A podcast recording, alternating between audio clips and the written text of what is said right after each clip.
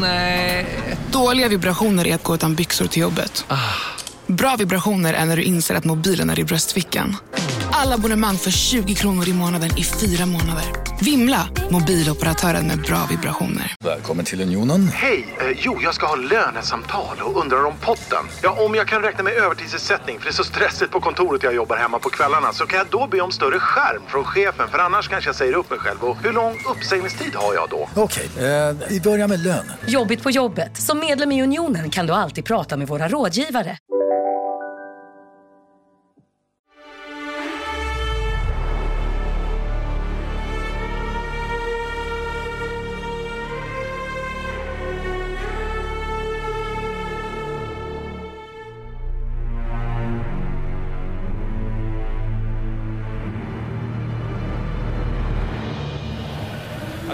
Väldigt entusiastisk, väldigt positiv. eh, my- Mycket eh, att man ska jobba som en enhet och en grupp. Ja. Har det märkts i omklädningsrummet nu? Ja, tycker jag. Från och med att han kom hit har jag markerat vad han tycker är rätt och så vidare, han- hur han vill jobba.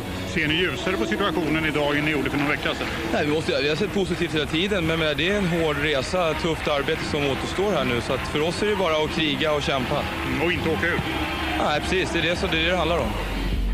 AEG owns more sports teams than anyone else in the world. We are a facility management company. We're a content company. We're a global sponsorship company. We do merchandise. So anything that has to do with live entertainment, we provide those services. Mr. Anschutz is involved in so many ventures and has been for decades. Uh, he's somebody who sees opportunities that others don't typically see. Förväntansfulla Hammarbys supportrar marscherade traditionsenligt från Medborgarplatsen till Söderstadion. Bland annat för att stifta bekantskap med den här mannen. Den till anfallare omskolade Västeråsbacken Peter Markstedt. Hammarbys enda riktigt tunga nyförvärv i år. Det är klart att det blir lite press på mig, men samtidigt så tycker jag att de, de spelare som är kvar visar otroligt att de är väldigt bra fotbollsspelare. Så jag tror att den här truppen som vi har idag, vi kommer kunna, vi kommer kunna överraska många, det tror jag.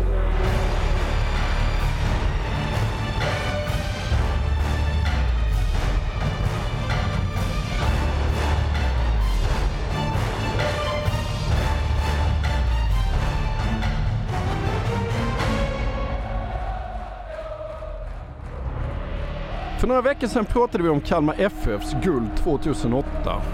Det var ett lag med en perfekt balanserad trupp, en ekonomi som var fin, en harmonisk styrelse och en tränare som tilläts ha framåtblickande tänkande med ett långt kontrakt. Dessutom var de stora favoriter till att vinna guldet. Dagens lag var tvärtom. Om ni tänker på alla de detaljer jag precis räknade upp så var dagens lag det motsatta. Ja, det är ju faktiskt en högst konkret och fullständigt korrekt sammanfattning när du presenterar den på det sättet. För det vi har att göra med här är ju på något sätt de ofrivilliga guldmedaljörerna. Hammarbys guldsäsong från 2001 är såklart en av de allra mest klassiska guldsäsonger vi har i svensk fotboll. Men det är ju också en av de allra mest innehållsrika och för den delen en av de allra mest motsägelsefulla. För på den här tiden var ju inte Hammarby bara klubben som inte kunde vinna. De var ju även klubben som varken hade planerat för eller strukturerat för något SM-guld 2001. Det råkade liksom bara bli så ändå. Ja, men ska vi börja med lite bakgrund runt Bayern? Ja, herrejävlar, var börjar man, var slutar man, vilken tråd och vilken myt ska man börja dra i då? För det går ju att ha en rad olika ingångar och det går att ha en rad olika metoder för att värdera vilken klubb som egentligen är störst i Sverige. Och det är klart att där har ju sportslig framgång en ganska tung betydelse. Men det är ju ändå svårt att komma runt faktumet att då som nu så existerar det ingen lika mytomspunnen fotbollsförening i Sverige. Och det är ju verkligen på gott och ont. Det kan vara lite kul ibland och ganska tröttsamt andra gånger.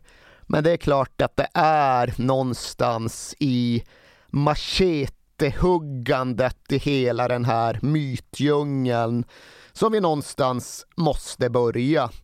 För när Hammarby tog det här guldet, när de till sist tog det här guldet som de aldrig skulle kunna ta, så hette det ju att oj, oj, oj, nu lyckades de efter att ha väntat och efter att ha lidit i 104 långa år så vann de till sist ett SM-guld i fotboll. Men det var ju inte riktigt sant ens det. Redan där är det så att sanningen på ett sätt har övergått i myt. För ja, visst, Hammarby grundades 1897, men då var det ju en roddförening eftersom att det minsann gick vågor nere på Hammarby sjöar. Och sen började de ju med fotboll först 1915, alltså nästan 20 år senare. Och det är väl kanske lite mycket begärt att de ska gå och vänta på ett SM-guld i fotboll innan de ens har börjat utöva sporten. Så ja, de hade väntat länge så inåt helvete, men det var ju inte 104 år, det var 86 år. Ja. Och det är ju en tidsrymd som det refereras till mycket mer sällan. Men jag tror väl också att där ligger en del av förklaringen till vad som blev så mycket av grejen med Hammarby. Det här med att de minsann aldrig kunde vinna. Nej, de började ju, om inte i uppförsbacke så i alla fall med en lucka upp till täten. Tvillingklubbarna AIK och Djurgården, de började inte heller med fotboll så fort de grundade sina klubbar 1891 men de satte ändå igång på 1800-talet. De hade ju ett försprång på nästan 20 år på Hammarby och det tror jag ju verkligen bidrog till att de förblev mer framgångsrika genom hela 1900-talet. Och om då Hammarby var klubben som inte kunde vinna, vad var de då istället? Ja, de var ju kultklubben, arbetarnas lag, lirarnas lag, bohemernas lag, svänggänget, de som sket i tabellen för att Bayern minsann var bäst ändå. Och det går ju att dra de historiska strecken väldigt långt tillbaka i tiden. Men för att vara någorlunda aktuella så kan jag väl tycka att vi kan nöja oss med att ta någon typ av avstamp 1970. För då började svänggängsstämpeln verkligen få fäste och då förändrade, revolutionerade ju faktiskt Hammarby-supportrarna även det svenska läktarlivet. Och det går ju inte att förringa det där med att hösten 1970, ett knappt år, efter att Tipsextra hade börjat sändas i Sverige och vi för första gången fick möjligheten att se hur det faktiskt såg ut och höra hur det faktiskt lät på läktare i andra delar av Europa. Ja, då började anhängarna till Hammarby på Söderstadion att sjunga fram sitt lag för egentligen första gången i Sverige. Och det var en klack som då stod på långsidan snarare än på kortsidan och det där kom ju att bli så oerhört betydelsefullt. Inte bara för Hammarby, men såklart främst för Hammarby. Det var en ny typ av läktare som hejade fram ett eh, nygammalt typ av Bajen. Vi pratar om svänggänget och ja, vi kan kolla på hösten 1972.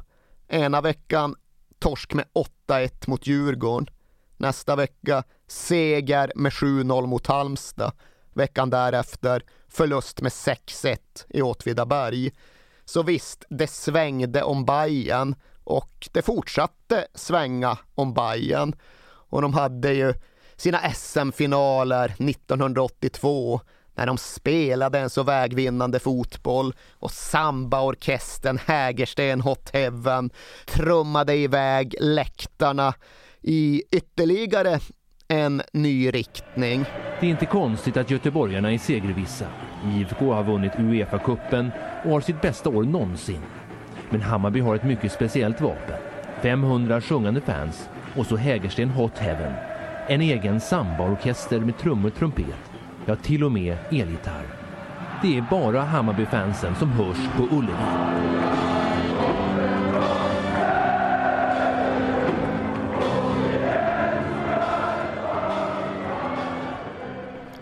80-talet kulminerar med undret i Karlstad. Hammarby gör tre mål på stopptid mot Karlstad BK och går upp i allsvenskan helt utan rimlighet. Och sen då 90-talet då det fortsatte svänga om Bayern. De åker ur allsvenskan två gånger, de går upp i allsvenskan två gånger.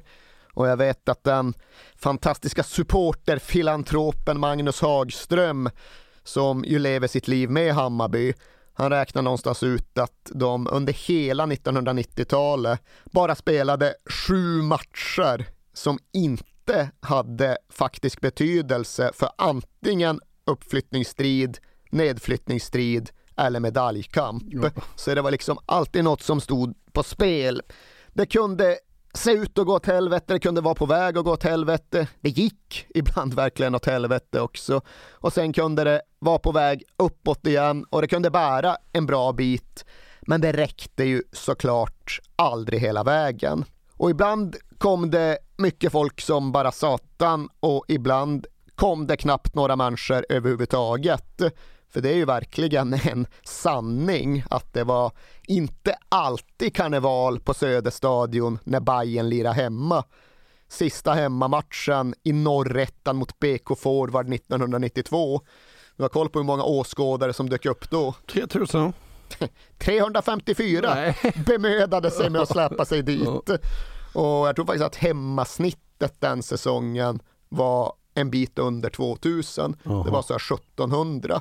Och det är ju ändå 1990-tal, e hemma-EM-året i Sverige. Så det är någonstans modern fotbollstid. Eh, och vissa saker såg annorlunda ut och vissa saker var konstanta. De kunde vara riktigt bra ibland. De kunde vara en enda hemmamatch från SM-guld 1982, men de kunde ju inte vinna. Det var etablerat på motståndarläktarna. Det var även accepterat på hemmasektionerna.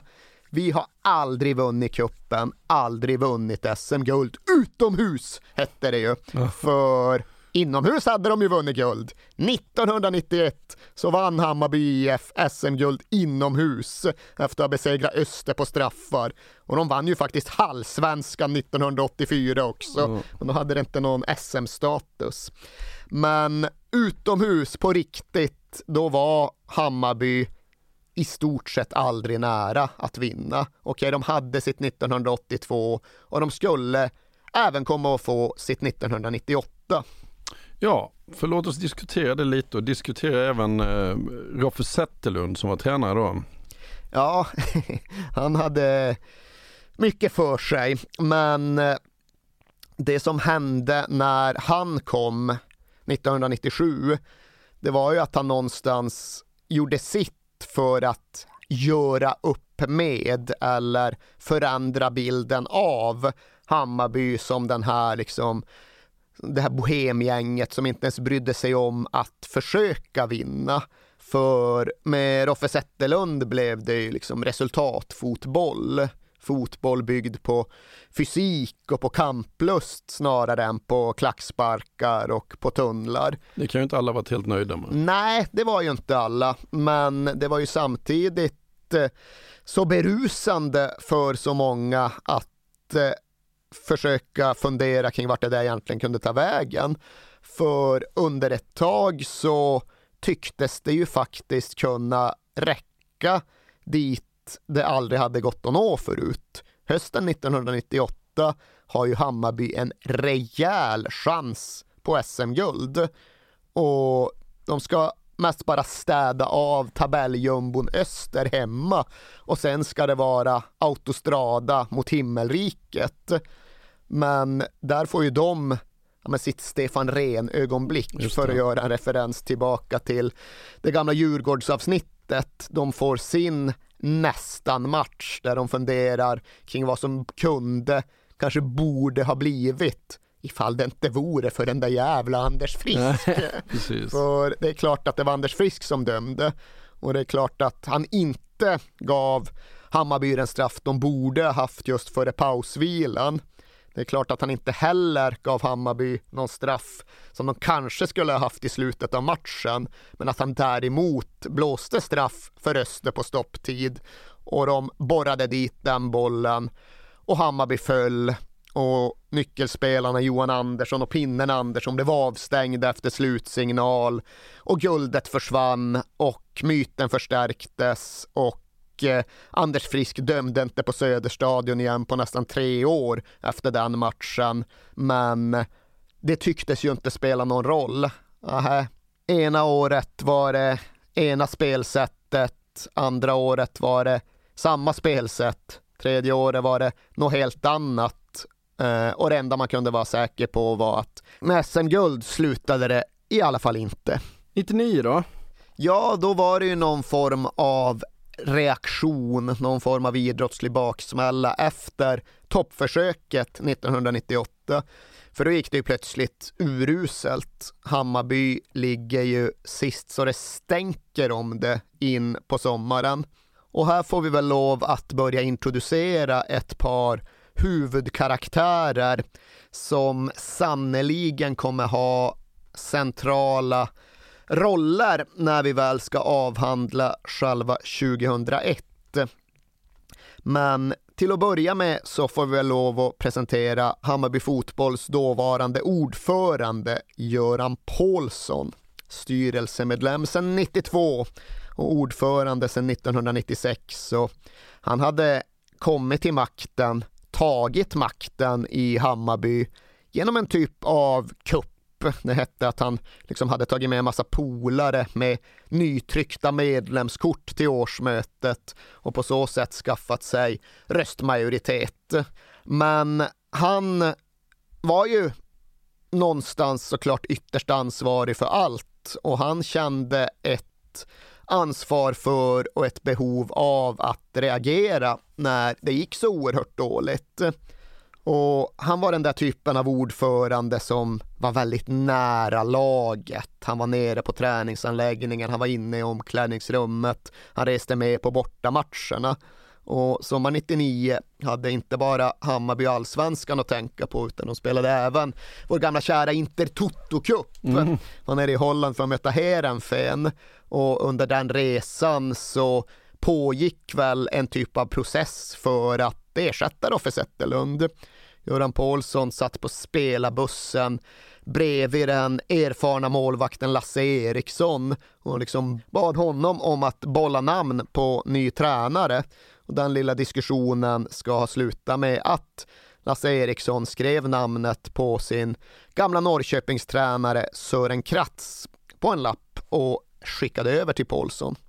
Jaha, Sören Kratz, vart håller den gamla östgöten hus i det här läget då? Jo, han sitter ju i finska Österbotten och surar för han har försökt sig på ett jobb med VPS Vasa i Finland och tvingats konstatera att det gick åt skogen. Han fick kicken efter bara 10-12 matcher och funderade således över sitt nästa drag. Och han hade väl en helt okej okay meritlista. Hade gjort det bra. IFK Norrköping kommer tvåa. Hade ju varit i Degerfors under delar av deras, eh, ska vi kalla det storhetstid, eh, under första halvan av 1990-talet. Och han hade liksom gjort sig känd som en rätt pragmatisk tränare som kom en bra bit på vägen sen han jobbade på herrekiperingen Mr Man hemma i Finspång. Mm. Men ja, Göran Paulsson tycker att det här verkar vara rätt spår att gå på, så han åker iväg till Finland, samtalar med Kratz, kommer överens om att han ska ta Hammarby när säsongen tar slut. Och egentligen ville väl Göran Paulsson ha till en tidigare förändring, men Sören Kratz ska, ja, enligt alla utsagor, ha velat vara kollegialt lojal mot Roffe vänta. Han ville liksom inte komma in och ta hans jobb. Han ville vänta tills positionen faktiskt var ledig. Så hans bild var att det skulle bli när 1999 års spelår var avslutat. Men Göran Paulsson hade i grunden en annan idé. Och när Göran Paulsson hade en annan idé så tenderade han att se till att den blev verklighet. Får jag bara skjuta in här, för, för, för det första så eh, när man läser Sören Kratz, eh, jag, jag tror sällan jag läser någon som blivit så glad för ett erbjudande som han blev liksom att bli Hammarbys tränare. Ja men tänk efter själv, du har fått kicken efter 12 matcher med VPS Vasa. Det är väl kanske inte så att nästa steg i karriären är rakt uppåt på ett solklart och självklart Nej, sätt. Det, det är en grej, men sen eh, det är sällan man läser i och för sig att, att man blir helt överlycklig när man får frågan. Liksom. Ja, det ska väl i och för sig sägas om Sören Kratz och det kommer vi säkert återkomma till att han var ju en rätt hudlös tränare även medialt. Ja. När känslomänniskan Sören Kratz kände någonting så brukade han ofta berätta det och det var någonstans en, ett genomgående inslag i, under hans tid i Hammarby. Ja. Sen en fråga till här. Eh, hade Göran Paulsson förankrat detta i sin styrelse? Göran Paulsson var inte alltid så noga med att förankra saker i sin styrelse och ifall han försökte förankra saker i sin styrelse och styrelsen inte var på hans linje så brukade Göran Paulsson kunna strunta rätt hårt i det ändå. Så här hade Göran Paulsson spelat någon typ av antydningsspel när han inför sin styrelse hade antytt att det kanske kunde vara läge med ett skifte på tränarposten och då han hade antytt att Sören Kratz kanske kunde vara ett av namnen som kunde bli aktuellt.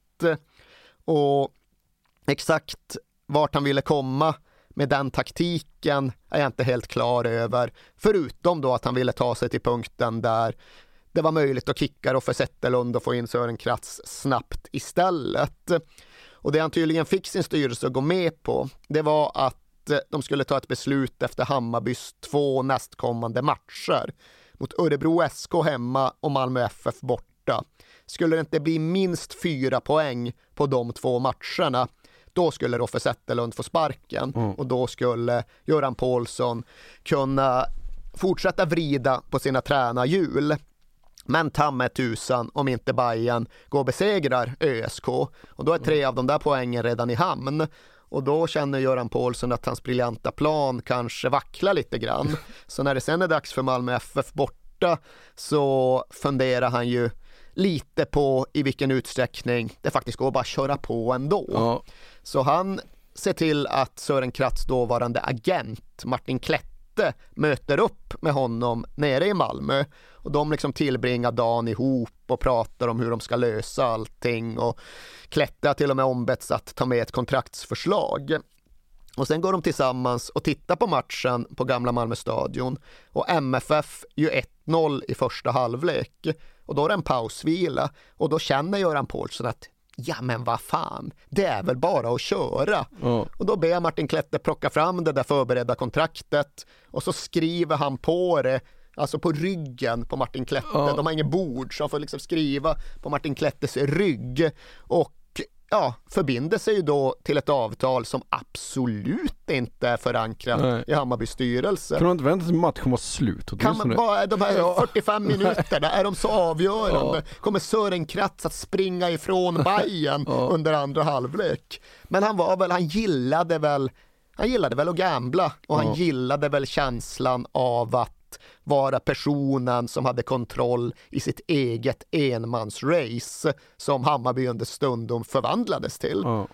Eh, och som han själv formulerade det i efterhand.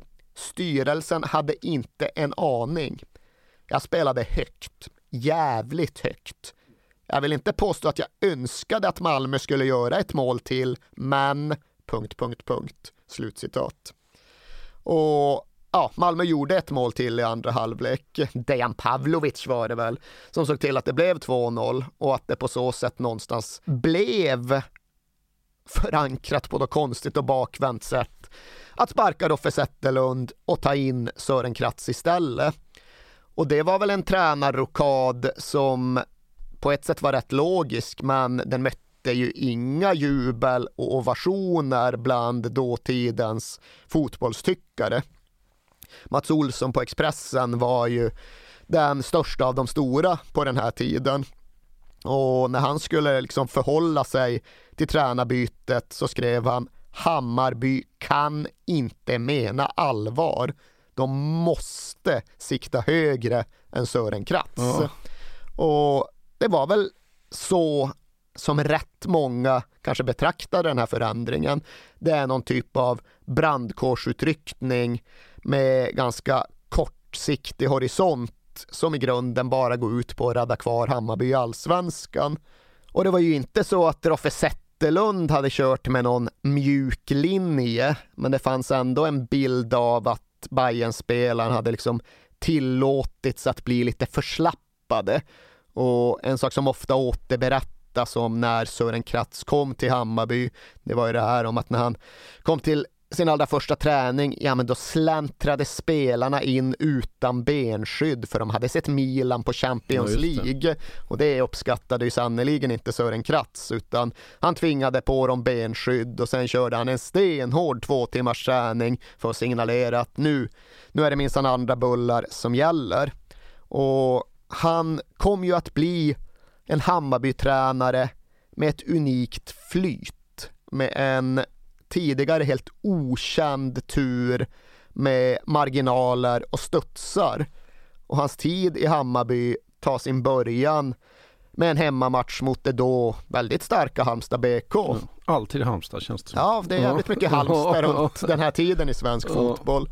Men eh, efter typ en kvart så går ju Håkan Svensson, dåvarande, det går inte att säga landslagsmålvakt, men liksom ja, Snudd på. truppspelare ja. i det svenska landslaget. Han går ut och ska rensa undan en boll utanför straffområdet och bara totalmissar. Solen i ögonen. Ah, ja. Kratz påstår ju det. Ja. Och det fanns alltså så som gamla Söderstadion såg ut så var det väl så att det kunde vara en reflektion från solen som speglades i det jävla kontorshuset ja, just det, just det. och på så sätt blev jobbig.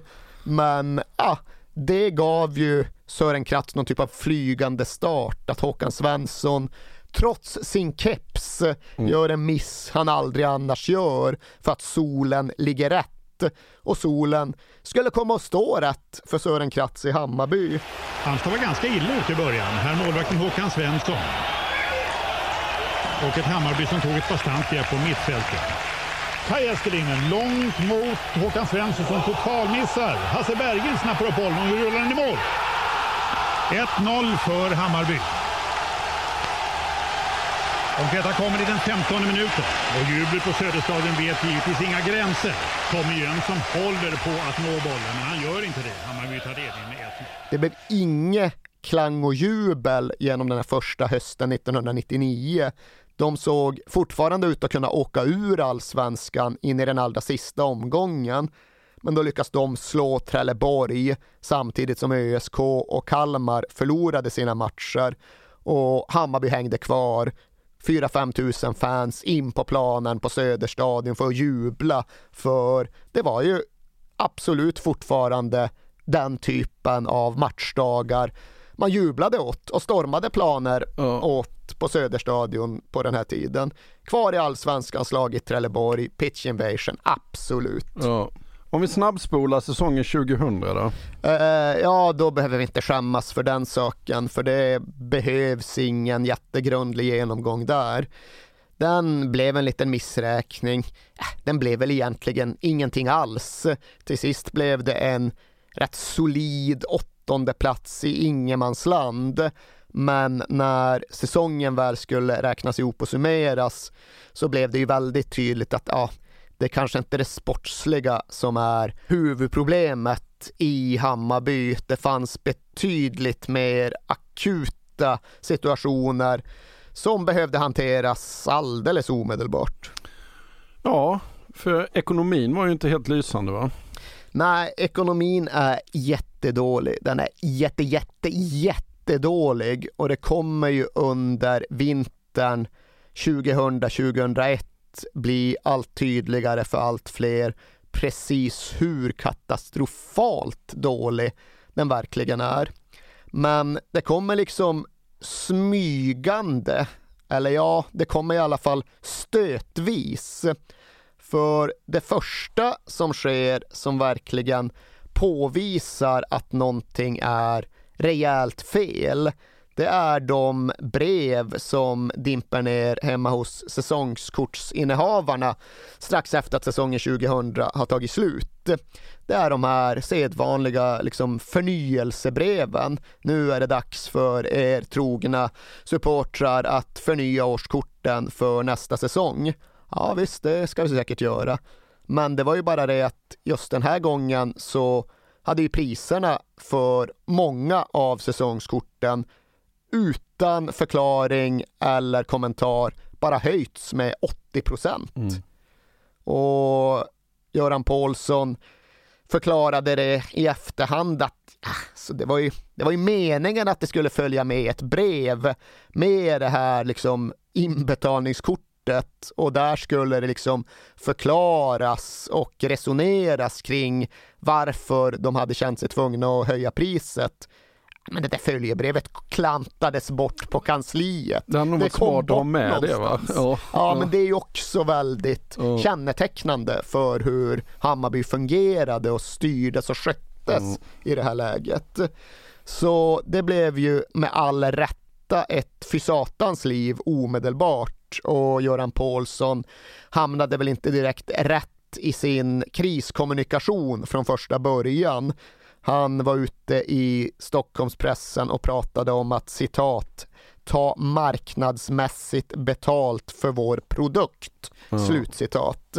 Och det var inte riktigt det språkbruk som landade rätt i Bayernland. Jo, det måste jag bara säga för att kommer du ihåg Borussia Dortmund avsnittet? När de har sin största kris och han ordförande säger att vi började prata om konsumenter och produkter Ja, det är egendomligt ja. att man kan vara så tondöv. Ja. Sen är ju visserligen det här 20 år sedan och det var ännu mycket mer så att rätt många fotbollsmänniskor, föreningsmänniskor hade ingen förståelse för vare sig en framväxande läktarkultur eller för den delen det de själva betecknade som idrottsindustrin, underhållningsindustrin. Ja. Så de hamnade ofta mittemellan där någonstans mm. och klarade inte alls av att kombinera det ena med det andra och liksom förhålla sig och förklara på ett eh, fungerande sätt. Nej. Men det här medförde ju också att det var upprorsstämning runt Hammarby innan säsongen 2000 ens hade lagts till handlingarna. Det är fortfarande bara november 2000 när det arrangeras protestmarscher ner till Hammarbys dåvarande kansli vid Kanalplan. De är några hundra, typ 300 pers som tågar dit och de har då Magnus Hagström, fantastiskt betydelsefull supporterprofil som någon typ av talesperson som går ut och pratar från den andra sidan av stridslinjen mellan fotbollens kommers och fotbollens idealism. Han sa det i, jag tror det var DN, att fan klubben håller på att sälja ut sin själ. Den här prishöjningen kan vara ett självmord. Hammarby får inte bli en klubb för de bättre bemedlade. Men när den där protestmarschen väl nådde kansliet, ja då fick ju Göran Paulsson lov att gå ut och fronta den. Han fick lov att gå ut och försöka förklara det som de hade sjabblat bort i sina avsaknade följebrev. Och det var ju allt det här kring hur desperat Hammarby verkligen behövde pengar. Hur extremt utsatt det ekonomiska läget verkligen var. Och det kröp ju fram fler och fler detaljer som absolut blev mer och mer besvärande för den dåvarande Hammarbyledningen. De hade missat att betala in två miljoner kronor i skatter. Jaha, varför det då? Ah, det var någon på kansliet som hade varit överarbetad och eh, inbetalningen hade liksom försvunnit med hans eh, för stora arbetsbörda. Jaha, Mm. Ja, sen var det liksom några andra spelare ja, de låg efter med en massa andra betalningar.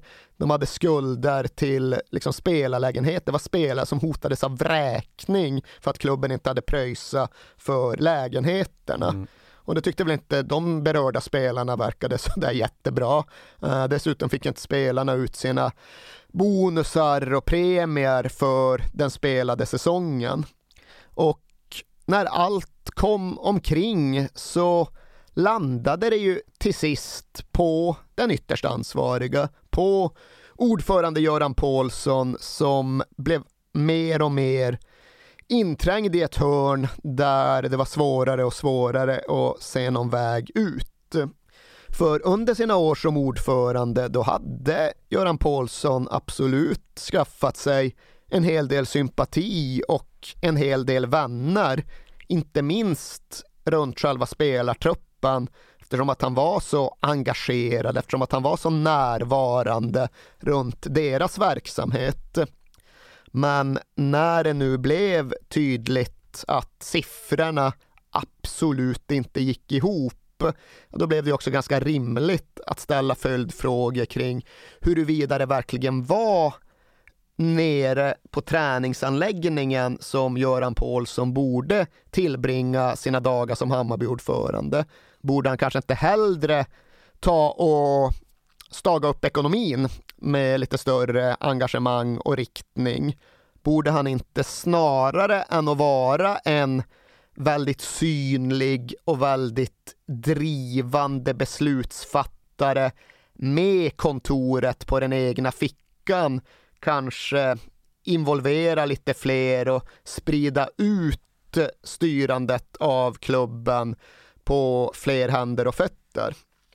För det som till sist skulle komma att fälla Göran Paulsson, det var ju dels att han hade kört ja, men klubben hela vägen till konkursens brant och dels att han i stort sett hade gjort det ensam på mm. egen hand.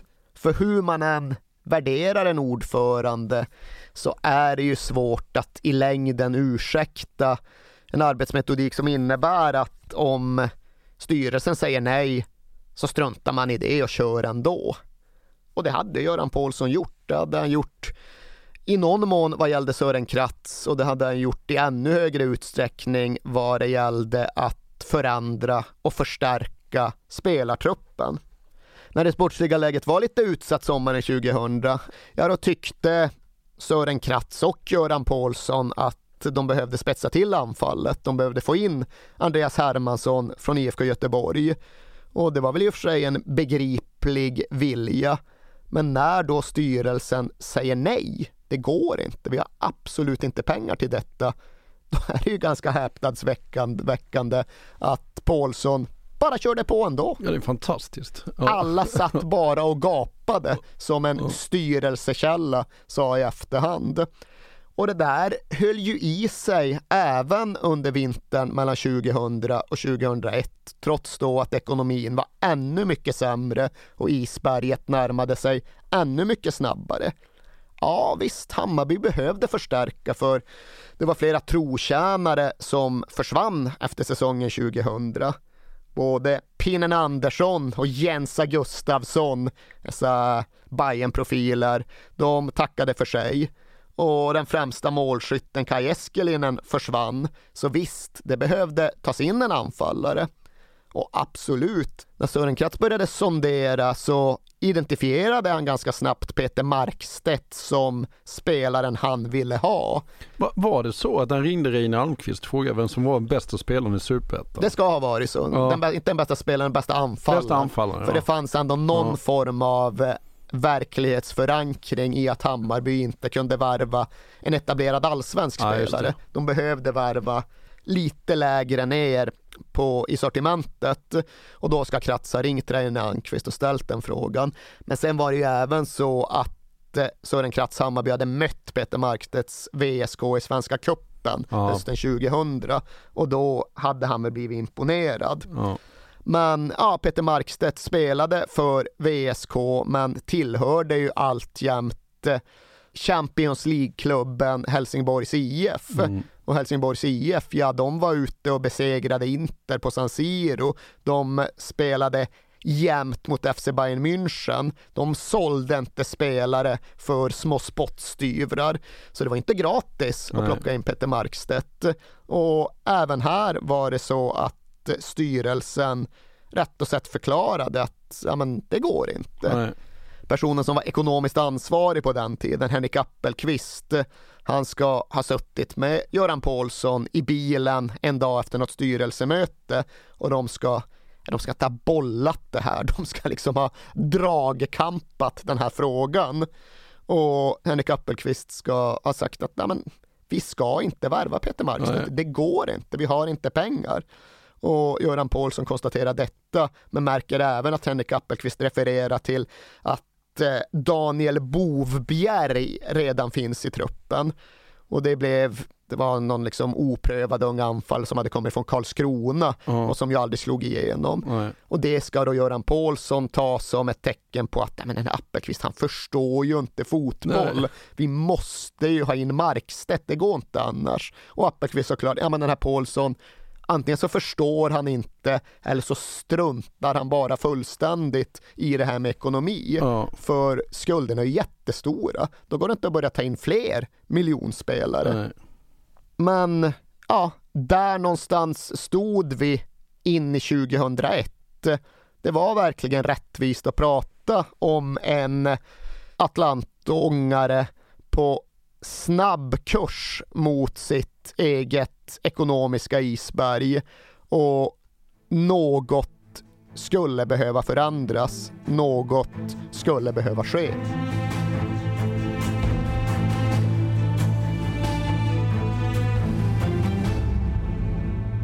Ja, och då kommer vi till årsmötet i eh, mars va?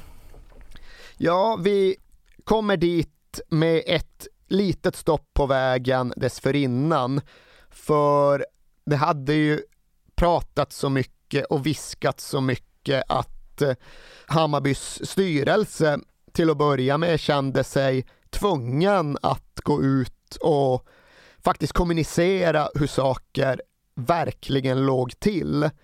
Och det gjorde de den 18 januari 2001 då det var medlemsinformation i Eriksdalsskolans aula på Ringvägen på Södermalm i Stockholm.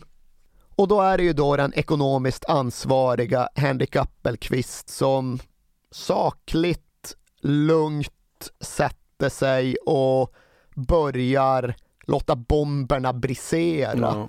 För varje siffra han redogör för är värre och mer krisartad än den föregående.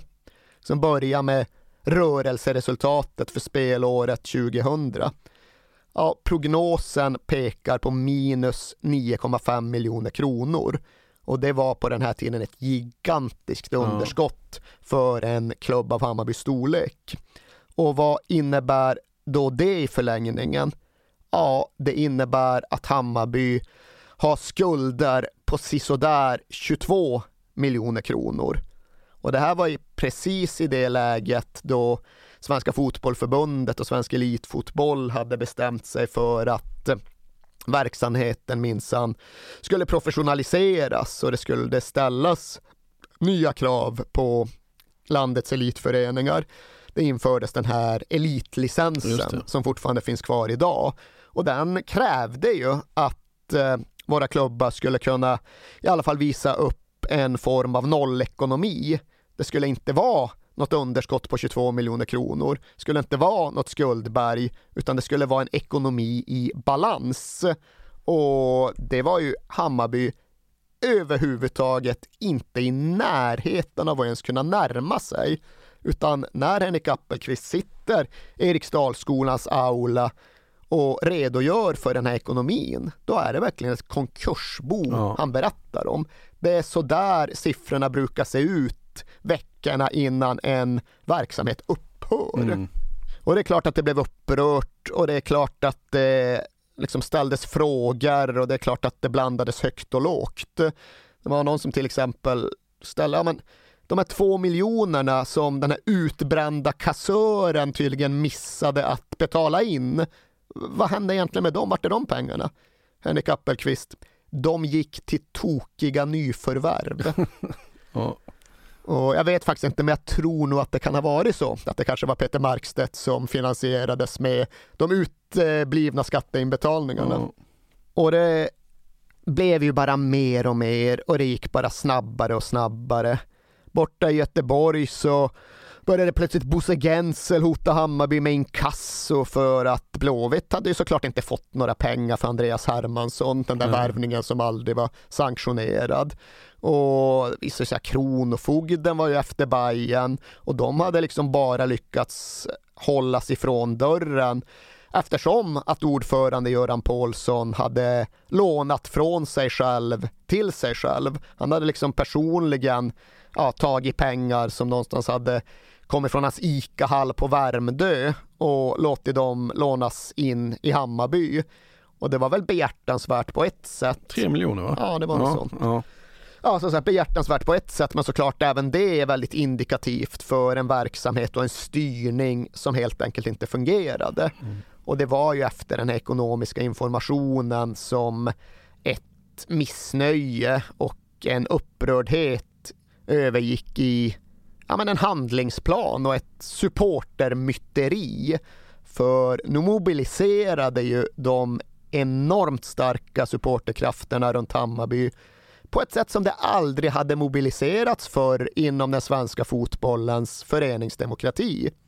För Hammarby var en medlemsförening och när medlemmarna var missnöjda med den ytterst ansvariga så hade de alla möjligheter att eh, rösta bort honom, byta ut honom så länge de presenterade ett annat och mer populärt alternativ. Och det var ju det arbetet som nu, kanske inte påbörjades, men i alla fall accelererades med en väldig fart.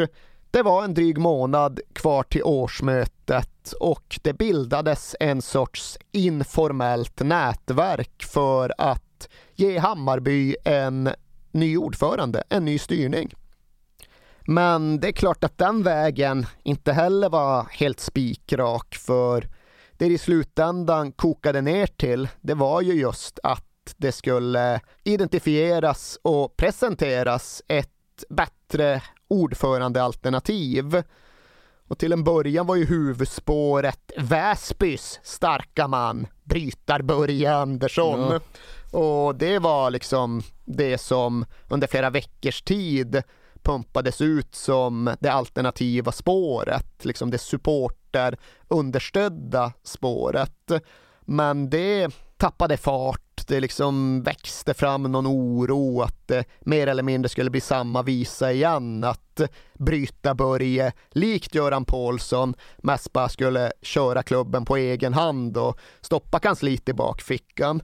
Och jaha, vad fanns det då? Om, om inte bryta Börje, vad tar vi då? Det tar väl förra finansministern Erik Åsbrink. Men äh, så blev det inte riktigt heller. Och samtidigt som det famlades lite i sökandet efter rätt person så blev det ju såklart också känt att ja, men de där siffrorna som presenterades som någon typ av dystopiskt mardrömsscenario, ja de var ju såklart egentligen ännu värre. Minusprognosen på 9,5 miljon för året 2000 det blev plötsligt 12,8 miljoner minus, en nettförsämring på ytterligare 30 procent. Allt blev ju bara mer och mer upprört. När årsmötet närmade sig, då hävdar Göran Paulsson att eh, någon hade sprayat på väggen mitt emot Hammarbys kansli. Det nämner jag bara för att det var så slagkraftigt sprayat. Då hävdar Göran Paulsson att han möts av budskapet kuken, ballen, Paulsson avgå när han Ja. kommer till jobbet en Ja. dag. Och det finns något slagkraftigt i det som eh, jag inte bara kan runda. Lite talanglöst kan jag tycka. Nej, jag tycker, jag tycker det har någonting. Jag tycker det har någonting. Men årsmötet ska vara den 22 februari och ett par dagar dessförinnan så är det fortfarande bara Göran Paulsson som står där som kandidat. Men då ja, trollar väl supporternätverket fram ett namn och en person lite ur vänsterfickan. Dagen före årsmötet så presenteras Rickard Thalén som kandidat och han refererades det alltid till som en 38 38-årig dataingenjör från Huddinge. Likt Palmeutredningen refererade till Christer Pettersson som en blandmissbrukare från Sollentuna.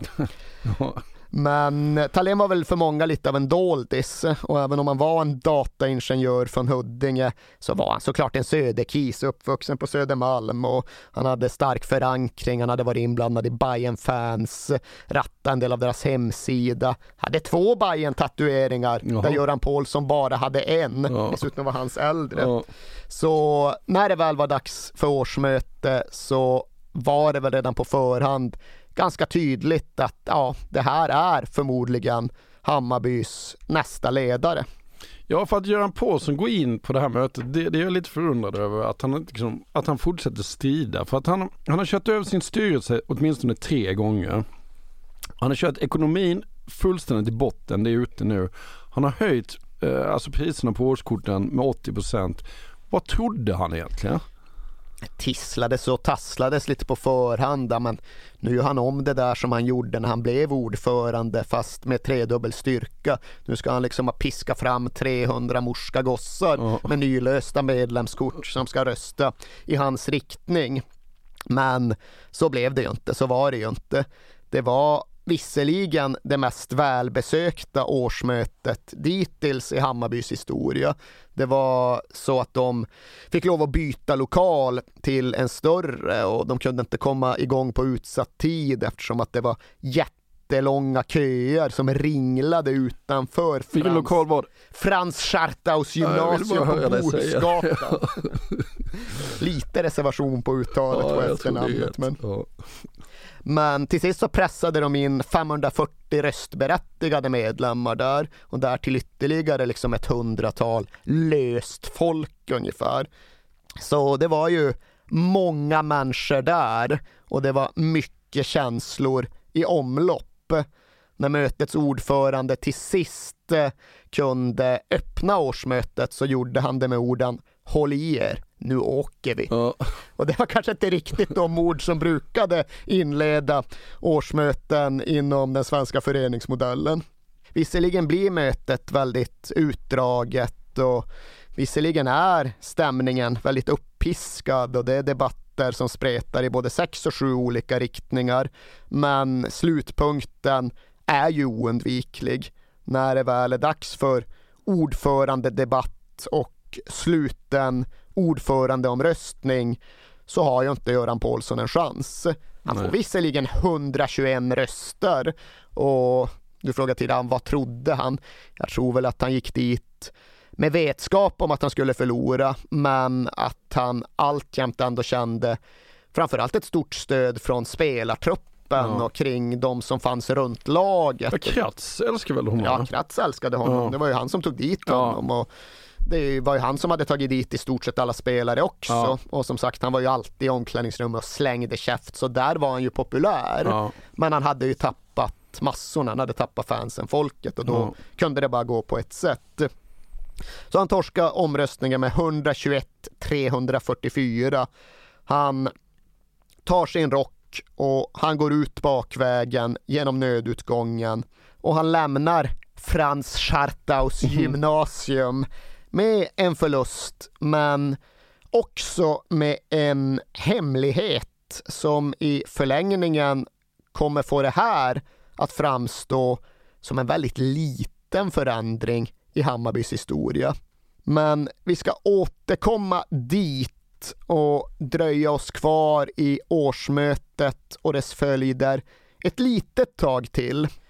För en sak som ofta sägs i berättelsen om Hammarby 2001 det är att under årsmötet så antogs även en motion från en supporter som stipulerade att Hammarby ska spela citat rolig fotboll. Slutcitat. Det där är liksom en uppgift som återkommer väldigt ofta för den eh, kan ses som väldigt talande. Mm. Håkan Willner. Ja, sen är det ju tyvärr lite trist att den inte är sann.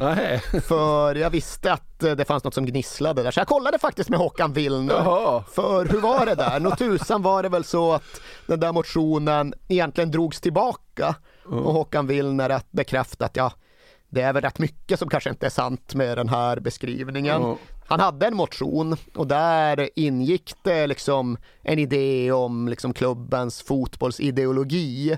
Men det var inte så att den kokades ner till citat rolig fotboll, Nej. slutcitat.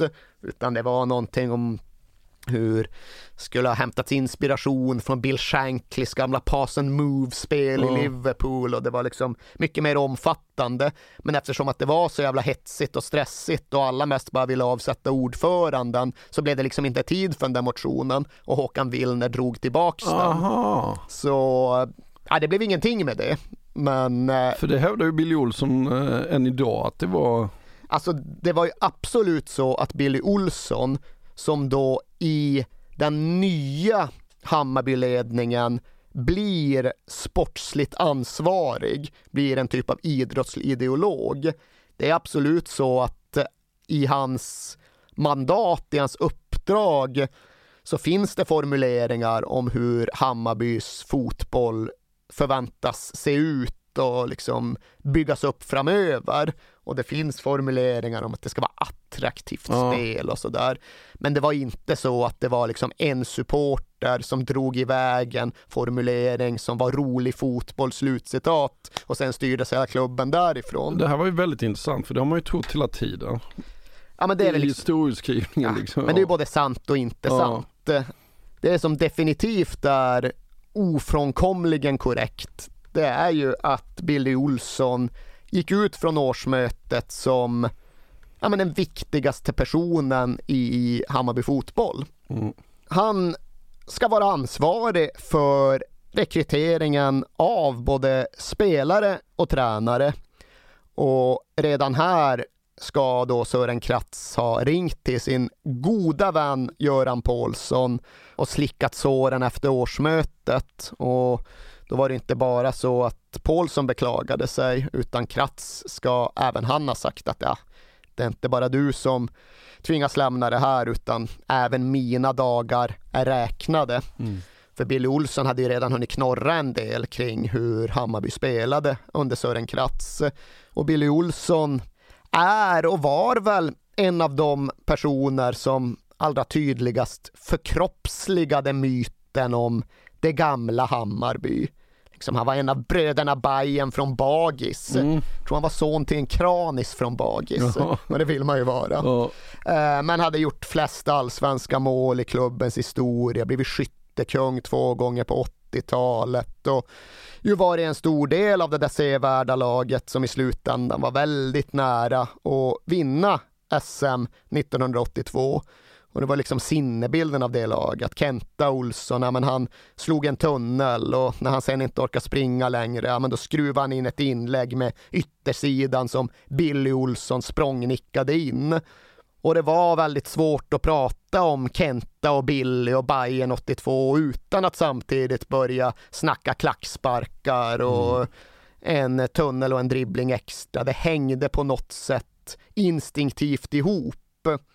Och Billy Olsson var ju en produkt av det här snacket och Billy Olsson trodde ju själv innerligt på värdet av det, på att det fanns den typen av klubbkultur i kärnan av själva Hammarby och att den skulle både bevaras och bygga vidare, byggas vidare på. Medgångslag, ja. Hammarby. Man spelade stundtals som eh, i trans efter det att 1-0 målet eh, kom. Titta där. Tunnel utan Matte Werner. Och fram till Billy Olsson. Och ur denna situation som verkar mer än trasslig så reser sig Olsson upp och får in bollen med en bredsida. Det står 3-0 för Hammarby. Och segern var självklar, trodde väl de allra flesta. Vi tittar på 3-0 målet en gång till. Men så trängd han är.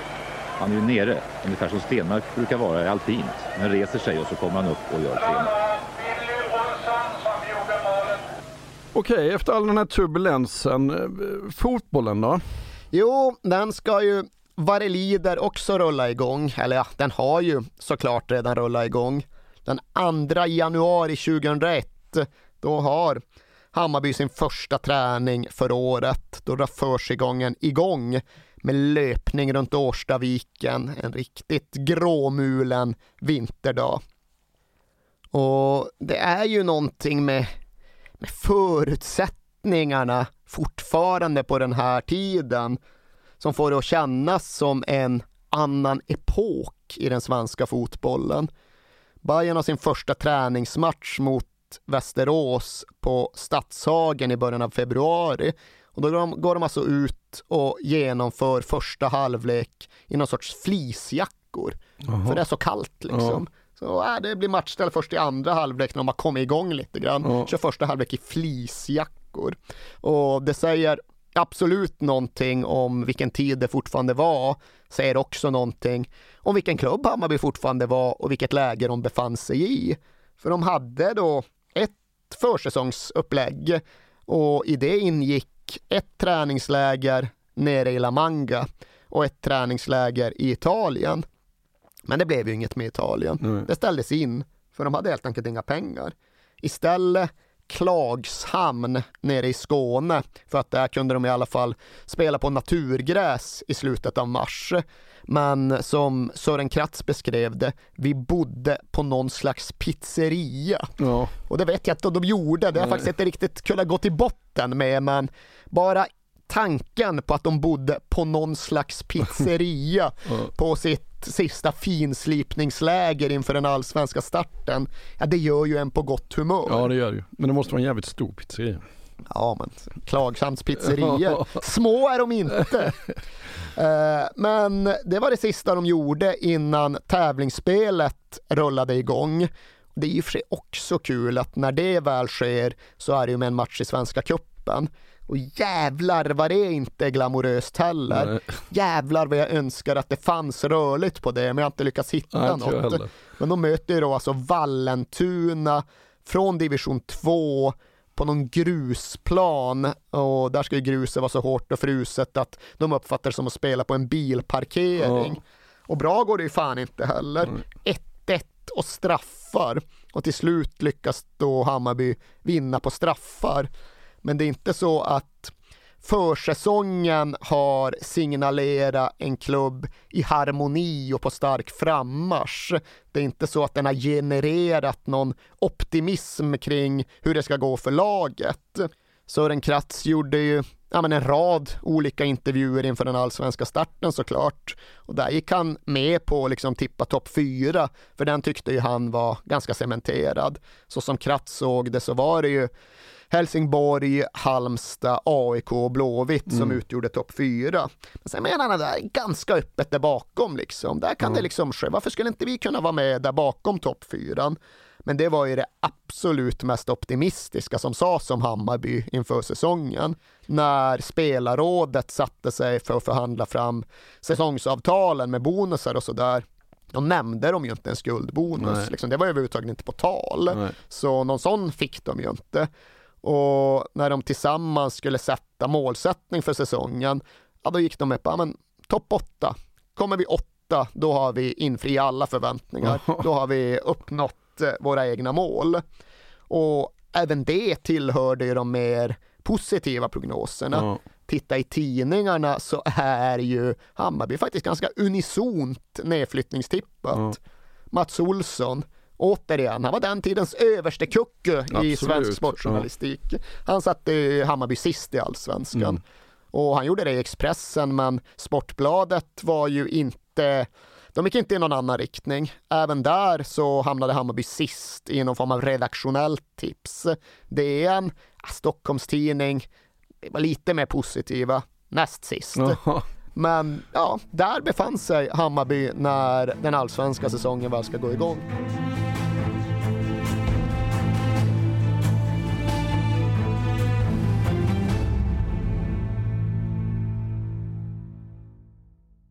Jag vill inleda med att säga att det är garanterad jackpot på 13 miljoner på Stryktipset. Och fy fasen. Ja, visst. Skulle du behöva 13 miljoner eller? Ja, det skulle jag verkligen. Men vi måste säga först att vi är ju sponsrade av Stryktipset. Ett spel från Svenska Spel, Sport och Casino för dig över 18 år. Yes, och stödlinjen.se finns där för dig om du har problem med ditt spelande. Nej, men 13 miljoner jackpot på Stryktipset, det är ju inte fel. Nej, då är det faktiskt dags att ladda en rejäl rad här känns det som. Mhm. Vet du vad som inte heller är fel? Nej. Födelsedagsfirandet och alla härliga Mm. historier vi får in. Exakt, Mm. för vi är ju mitt inne i Stryktipsets 90-årsfirande som vi firar med att läsa upp fantastiska historier från våra lyssnare som skickar in dem till kings at perfectdaymedia.se. Precis, bomba på nu. Det är åtta månader kvar på det här firandet, så att, eh, vi kör nu. Mycket Stryktipshistorier vill vi ha Mm. och i dagens har vi fått från Peter som skriver så här. Hej på er och tack för en helt otrolig podcast. Den har räddat mina veckor i snart fyra år. Tack så mycket Peter. Min historia är ganska färsk, men den om när det vänder på stopptid gav kanske inte de största pengarna, men känslan i mig består. Jag spelar ofta för lite mindre pengar på Stryket, följer fotbollen men är långt ifrån en nörd. Och allt såg väldigt bra ut senast, förutom på min etta på Manchester United mot Brentford. Var ändå väldigt, eh, var ändå väldigt nöjd med hur resten satt. Men på stopptid satte min nya favoritspelare, skotten McTominay, två mål och vändningen fullbordades. 64 rader blev 12 000 kronor. Tack för en bra Det är podd. otroligt. Ja. Tack för en bra historia Peter. Ja, och som man älskar Scott McTominay. Gör man inte det? Ja, det- gör man faktiskt. Han- Han liksom kommer in i straffområdet jävligt bra faktiskt. Mm. Vi säger stort tack till våra vänner på Stryktipset. Tack.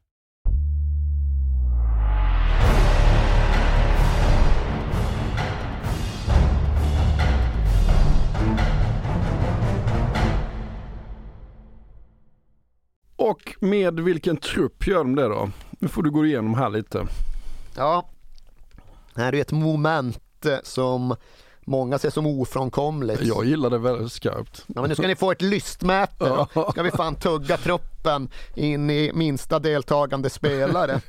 Men vi börjar väl med, jag på att säga största deltagande spelare, mest erfarna spelare, lagkaptenen längst bak, Lasse Eriksson.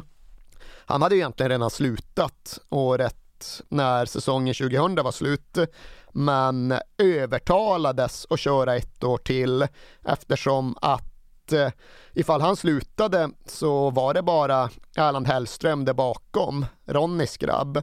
Och där fanns det väl en samsyn kring att han var lite för grön Mm. och värva en ny målvakt. Det fanns det ju inga pengar Nej, nej. till.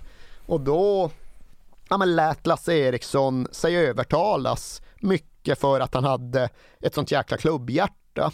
Och det var ju för sig en grej som sades ibland om det här Hammarby. De hade inte en, egen, en enda egen produkt. Nej, men så som Stockholmsfotbollen fungerade på den här tiden så tycker jag vi kan vara lite mer generösa med begreppet egen produkt. Lasse Eriksson var 11 år gammal när han först kom till Hammarby. Och då är man en egen produkt. Sen blev han ju för sig inte kvar i Hammarby så Mm. länge, för vet du vad Lasse Eriksson växte upp? Det här gillar jag mycket. Nej. Växte upp är lite en överdrift, men vet du vart han tillbringade några tonår? Nej. Saudiarabien. Jaha, jag har ingen aning. Nej, han drog ju till Saudiarabien och gick högstadiet där. Rörde inte en boll på två år, för det fanns tydligen inte i hans Saudiarabien. gjorde han där då? Nej, han liksom eh, drog dit själv för att vara utbytesstudent, var fascinerad av det saudiska livet. Skojar du eller? Ja, det gör jag. Ja. Hans farsa fick typ jobb på IB, hade jobb på IBM eller något i den stilen. Ja. Eh, Men sen också, ja, hans föräldrar blev kvar i Saudi. De Ja. hängde där, men när han skulle börja gymnasiet fanns det tydligen inte den utbildning han tyckte sig behöva. Och då, ja, det var inte tillbaka till Stockholm. Han hamnade på ett internat i Gränna. För Åh. att han behövde ett internat. Jaha. Så där bodde han. Jaha. Innan han då sen kom tillbaka till Hammarby. Ja. Så ja, en egen produkt med en twist. Saudi-Lasse, som han borde vara känd. Ja. Var ju ny lagkapten också den här säsongen eftersom att Sören Kratz hade en idé om att Micke Hellström var för tystlåten för att kunna bära bindeln. Men Lasse börjar såklart säsongen i mål och står ju kvar där ja, hela säsongen, missar väl en match.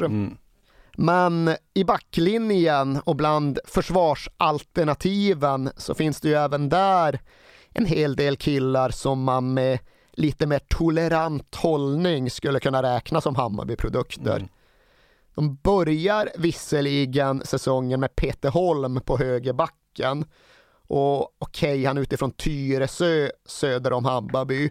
Okej, okay, han är en BP-produkt snarare än något annat. Så han är väl inte egen, men det är ju en ung Stockholmskille, hade nyss fyllt 20, som inleder som ordinarie högerback och spelar på rätt frenetiskt ja. under våren. Som mittbackar hittar vi inledningsvis, äh, hittar vi mest hela tiden, dels då Johan Andersson från Gröndal, mitt ja. Gröndal. Ja. Och det ska jag alltid eh, höja rösten för lite extra när vi passerar i det här sammanhanget. Och bredvid honom Jonas Stark från Gävle. Han hade blivit ordinarie året före när Daniel Hoch hade sparkat av smalbenet på Hasse Eskilsson i ett Stockholmsderby. Mm. Hasse Eskilsson fanns ju fortfarande i truppen det här året, men lyckades ju aldrig kämpa sig tillbaka från det där benbrottet. Kom aldrig i spel igen. Och ifall ni tyckte att Jonas Stark från Gävle var lite mesig vad gällde att samla Norrlandspoäng, ifall inte Hasse Eskilsson från Östersund heller riktigt duger, då har vi ju faktiskt Roger Sandberg som det brukar påstås att han är från Pite, men han är ju egentligen från Råneå eh, på vänsterbacken. Eh, och han inledde där, inledde bra, men sen utvecklade han någon märklig jävla reumatism, Bechtevers sjukdom eh, och fick ju lägga av med elitfotboll under pågående säsong. Aha. Han bara försvann under sommaren.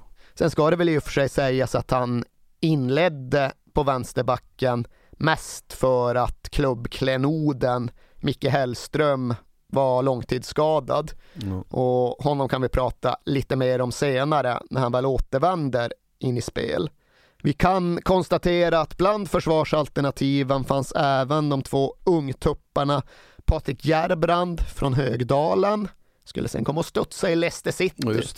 Och Suleiman Sleiman från Södertälje som ju länge var känd som Suleiman Varli. Ja. Men sen dog hans farfar och då bytte hela släkten efternamn för att hedra farfar ja. på ett sätt som man tydligen gör. Aha. Och då blev han Suleiman Sleiman.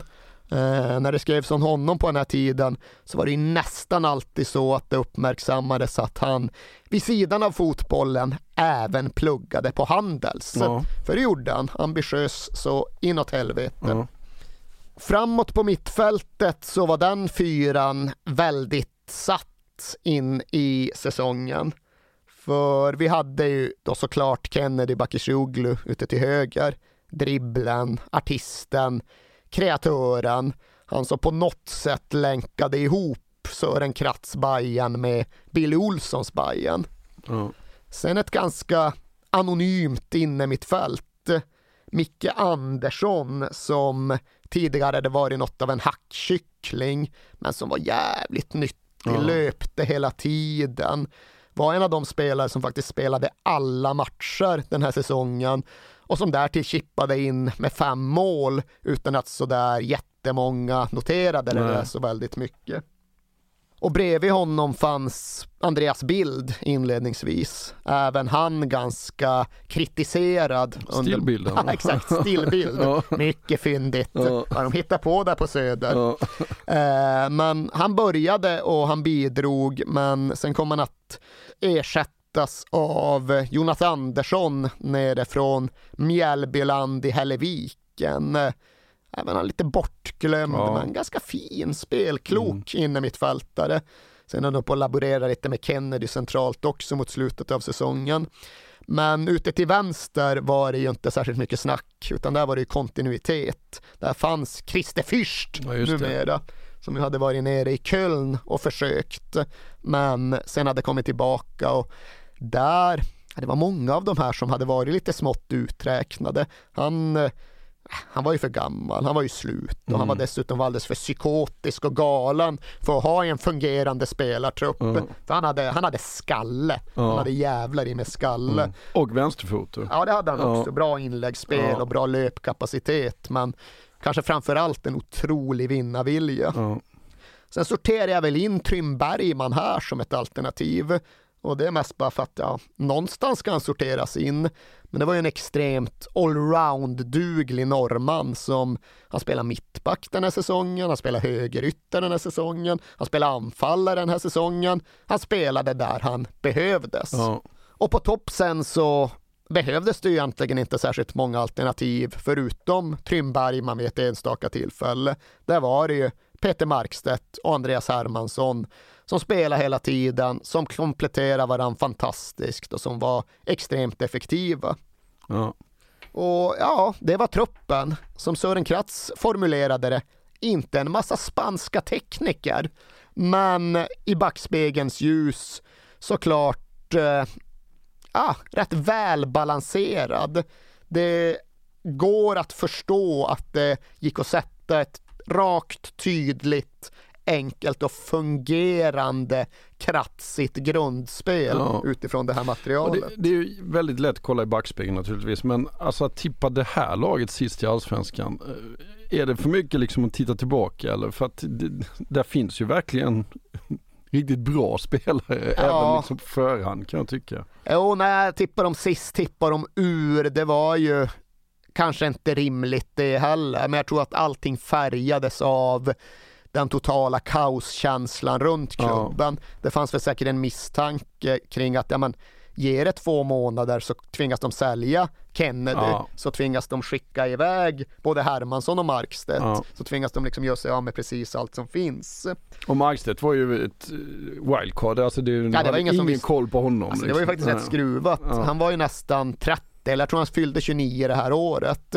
Men han hade ju varit anfallare i tre månader. Ja. Han hade ju varit mittback Ja. hela sin karriär. Till såg jag Hareide liksom testa honom som någon så här döda tid nödlösning på topp i något läge. Och håll i bollen lite där uppe. Ja. Och sen så fick han några månader som ordinarie toppforward i VSK. Det var liksom allt han hade Ja. gjort som striker. Eh, Men när vi går igenom truppen så ska vi även nämna Sören Kratz ASS-tränare Thomas Dennerby, numera mest känd som förbundskapten för det svenska damlandslaget under perioder. På den här tiden fortfarande mest känd som en av Just 82orna, det, en av de som var med då. Eh, Och ja, mycket av ett liksom socialt kitt i det här Mm. gänget. Han kunde binda ihop spelarna med ledarna och ledarna med läktarna och på så sätt få liksom Hammarbyhjulet att snurra lite mer gnisselfritt. Sen finns det ju även några spelare till som faktiskt gjorde insatser. Patrik Manzilla från Farsta, han gjorde fyra matcher. Ja, det kommer jag ju faktiskt ihåg. Det gjorde han absolut. Däremot har jag inget som helst minne av att Tony Lövholm från Norsborg gjorde fyra matcher. Har du inte det? Jag ska vara ärlig och erkänna att jag, jag har inget minne av vem Tony Lövholm från Norsborg var. Nej. Och där får jag be om ursäkt till Ja. Tony Lövholm. Men det är fan den mest anonyma guldmedaljören i en storstadsklubb som jag kan erinra mig. Du är ursäktad. Ja. Sen tog de ju även in slovenen Ermin Siljak på sommaren. Och det var väl det här årets videojugge. Det var i och för sig så att de hade även aseren Zaur Tagizade på provspel sommar 2001. Och det känns ju trist att de inte tog in aseren Zaur Tagizade. Ja. Men de tog in Ermin Siljak från Slovenien och ja, det var inte en kille de bara hade sett på video, han var där och provspelade. Men det är också en sån där sak att hade det inte gått så bra, hade de inte vunnit, hade de ju fått en massa skit för det i efterhand. För han kom ju in och bidrog, överhuvud- gjorde något inhopp, hade något skott över. Men det var ju noll mål på Ermin Siljak, Ja. så han blev ju inte speciellt med, mycket mer lyckad än de faktiska videojuggarna som ju alltjämt fortfarande var en faktor när vi började rulla igång säsongen 2001. Eh, Bland annat tänker jag på en gång när vi var ute och sprang ute i Hammarby, ute i Hammarbyhamnen och Hammarby sjöstad där borta. Och, ehm, så var de här två jugoslaverna, de var, de var en bit bort, de var någon hundra meter bort och jag tänkte var är de någonstans? Liksom, hela truppen är ju samlad och så har vi de här två som är hundra meter bakom. Så var det en lång raksträcka så tittar man sig bak och så, där gick de båda två. De gick, så hade de varsin cigg i handen och rökte. De var helt uttråkade, de orkade inte här längre. De var knäckta där. Alltså videojuggarna är ju ett så satt begrepp så jag var tvungen att kolla om det fanns i nationalencyklopedi men det, det fanns det inte. Men alla vet ju vad det är liksom. Och den sorgliga sanningen är att när jag gjorde ett sånt här Vad hände sen-reportage om videojuggarna så gick jag ju på fullaste allvar in på akademins eh, så här frågelåda-sida, eller förslagslåda rättare sagt, och skickade in videojuggarna som årets nyord Ja. och gjorde sen en typ av poäng av det i texten också. Blev ju inte antaget. Men som du säger, det är... Det är ett klockrent nyord ju. Ja, men i- alltså i fotbollens ordlista så har det ju en självklar plats. Ja men det, det går ju att använda överallt ju. Alltså, i Ja, men ett illa scoutat nyförvärv som slår jävligt fel. Ja. Det är väl definitionen av videojugge. Ja. Men den konkreta innebörden tycker jag ändå att vi kan tillåta oss att ägna sju minuter åt. För det fanns ju en typ av logik i att Hammarby satsade på de här två serberna under spelåret 2000. För Sören Kratz hade lång och lyckad erfarenhet av spelare från det forna Jugoslavien. Han var ju liksom någon form av eh, barriärbrytare och vägvisare här. Han var en typ av Balkanpionjär. För det var faktiskt Sören Kratz som tog Ranko Djordjic till Norrköping Ja. 1985. Ranko Djordjic som jag vägrar beskriva som Bojan Djordjic pappa. För Ranko Djordjic vann fan allt med Röda Stjärnan och spelade mot Maradona och var ju en superstjärna. Både i Belgrad och sen i Norrköping. Men eh, utan Kratz ingen Bojan, i alla fall inte i Sverige. Ja, Nej. vad, vad har du för slutsatser av det? Nej, det hade varit en stor förlust. Ja, det gläder mig att du säger.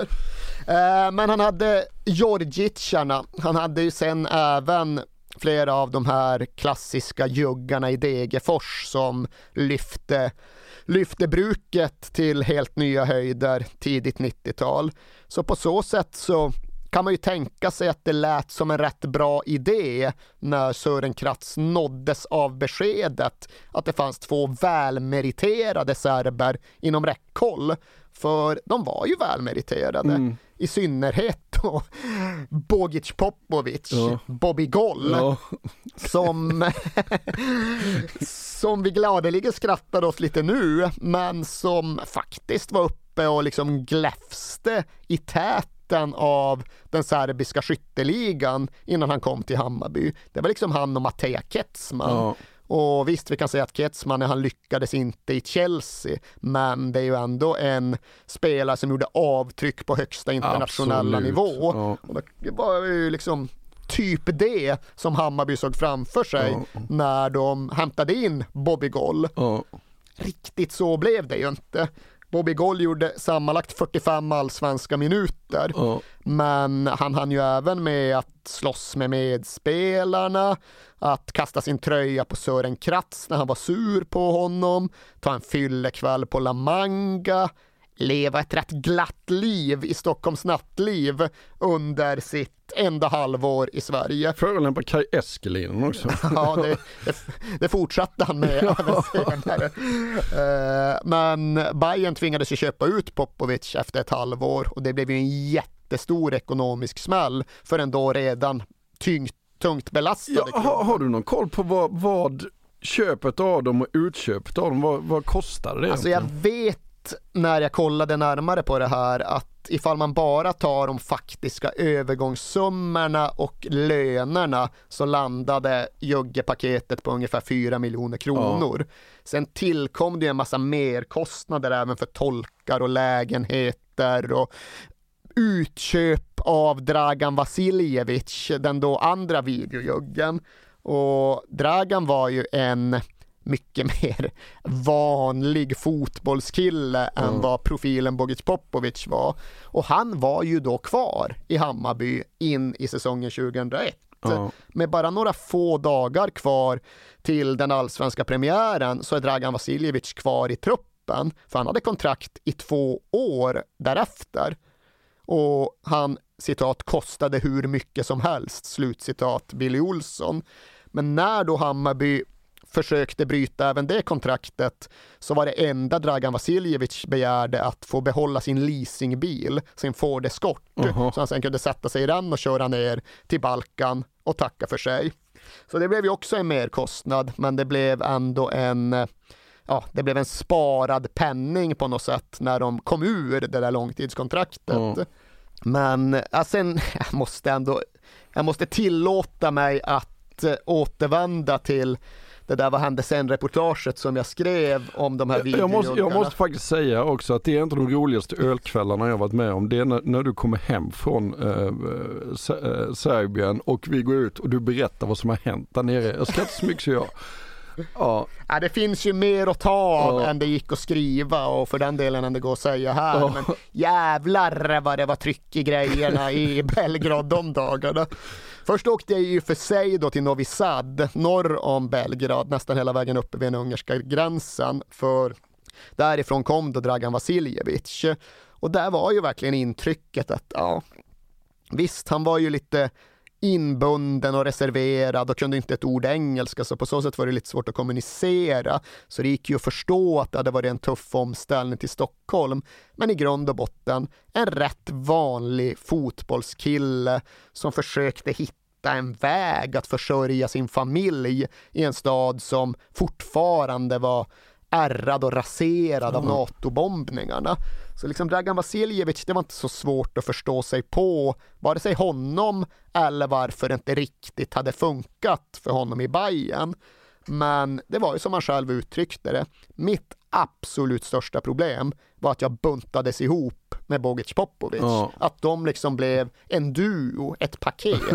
Det var de två som var videojuggarna. För, för de var rätt olika. De var totalt Ja. olika. Som sagt, Vasiljevic, tyst, en familjeman, ville spela sin fotboll och sen åka hem. Och i och för sig hetlevrad som tusan och han hade också sina slagsmål med lagkamrater. Det var inte så att han smälte in i gruppen, men det var liksom inget speciellt med honom egentligen. Bogic Popovic däremot, när jag skulle liksom åka från Novi Sad tillbaka in till Belgrad så sa Dragan Vasiljevic, ja du ska träffa Bobby nu. Bara, ja. Han har slutat, ja, jag vet. Han väger 300 kilo nu. Och sen kommer jag till eh, lobbyn där jag stämt träff med Bogic Popovic och han kanske inte vägde 300 kilo men det var ju lätt 150. lätt! Och nonstop från det att jag träffar honom till det att jag skiljs åt tio timmar senare. Röker cigg, dricker bärs, röker cigg, dricker bärs. Hela, hela, hela tiden. Och han hade tydligen, han hade ju aldrig levt som ett proffs liksom. Han hade ju aldrig liksom tänkt en tanke på att maximera sin fysik. Han hade legat någonstans runt 90-strecket under större delen av sin karriär. Men han hade fått 10 dagars ledigt från Bayern och åkt hem till Belgrad. Hade han kommit tillbaka och vägt 102 kilo. Ja. Så han hade alltså gått upp 12 kilo på 10 dagar. Och det är en prestation i Ja. sig, men det var inte obegripligt när man hängde med honom ett tag. ja, det fanns mycket som hände och mycket han berättade, men någonstans försökte jag ju liksom utkristallisera berättelsen om vad som egentligen hände i Bayern. Vad, vad gick fel? Hur var det där egentligen? Och han, han försökte inte direkt linda in vad som hade skett. Utan han var ju liksom öppen med att ah, okej, kom dit, det gick väl okej, men fan det var 20 minus Stockholm januari, grotta i en jävla grusplan, nej det var inte bra. Men sen åkte vi ner till La Manga, åh 20 plus, sol, vad gör Bobic, Bogic Popovic då? Han satt sig och dricker bärs, blev en bärs, blev sex bärs, blev tolv bärs. Ja. Ja, okej, så det blev en fyllig. Ja, jag gick ut och söp, inga problem.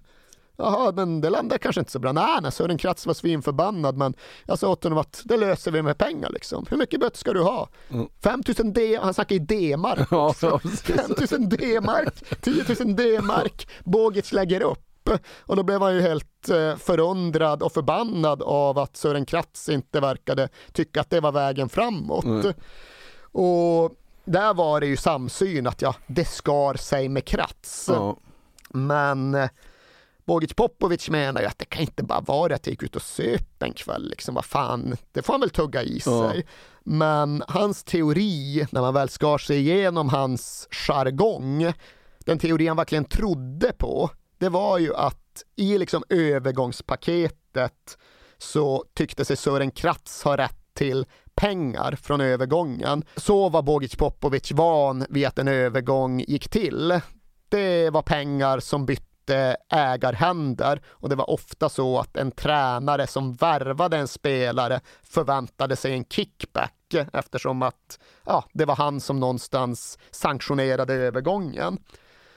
Och då trodde Popovic, ja men då har det blivit något fel, då har inte Kratz fått sina pengar och då har Kratz blivit förbannad och då ska han göra ett exempel av det och sätta mig på bänken. Det var liksom hans ärliga teori. Ja. Det var det han trodde hade hänt. Och sen spann han ju såklart iväg därifrån till liksom helt hisnande konspirationsidéer. Han trodde på Nej, men det tror jag ändå han trodde på allvar att Kratz hade installerat kameror i hans lägenhet för att kontrollera hur mycket Bogic rökte och drack. Ja. Sen menar jag också att Kratz har spridit ut massa rykten om mig både i Stockholm och i fotbollsvärlden. Bobby är alkoholist, Bobby är bög. Det är sånt Kratz gick runt. Det är så han jobbar, så är det en Kratz. och alltså du sa tidigare, han hade haft något bråk med Kaj Eskelinen. Ja. Han tror han är Maradona liksom. Ja. Och berättade på, för fan en dag kom han till mig och liksom, det här var ju efter NATO-bombningarna, Ja. så Serbien och Belgrad var ju ärrat. Och Kaj Eskelinen ska liksom, ja men hur är läget där egentligen? Liksom, hur fattigt är det? Och sen tror jag Efre Popov, han uppfattade det i alla fall som att det varit liksom förolämpning, för han har ni ens bilar där nere nu för tiden, liksom, kör ni runt med häst och vagn? Och då hade han ju tagit med mig till något jävla kanonställe, svinbra mat och liksom exklusivt och sådär. När du kommer hem, säg till Kaj Eskelinen, säg till honom att fan, ni satt med mig här i Belgrad, allting fanns, bästa maten, bästa spriten. Berätta det för honom, för vem är han att snacka? Han är från Finland! Vad är Finland? Ingenting! Var ligger det? Ingen aning! Fuck Finland! Ja.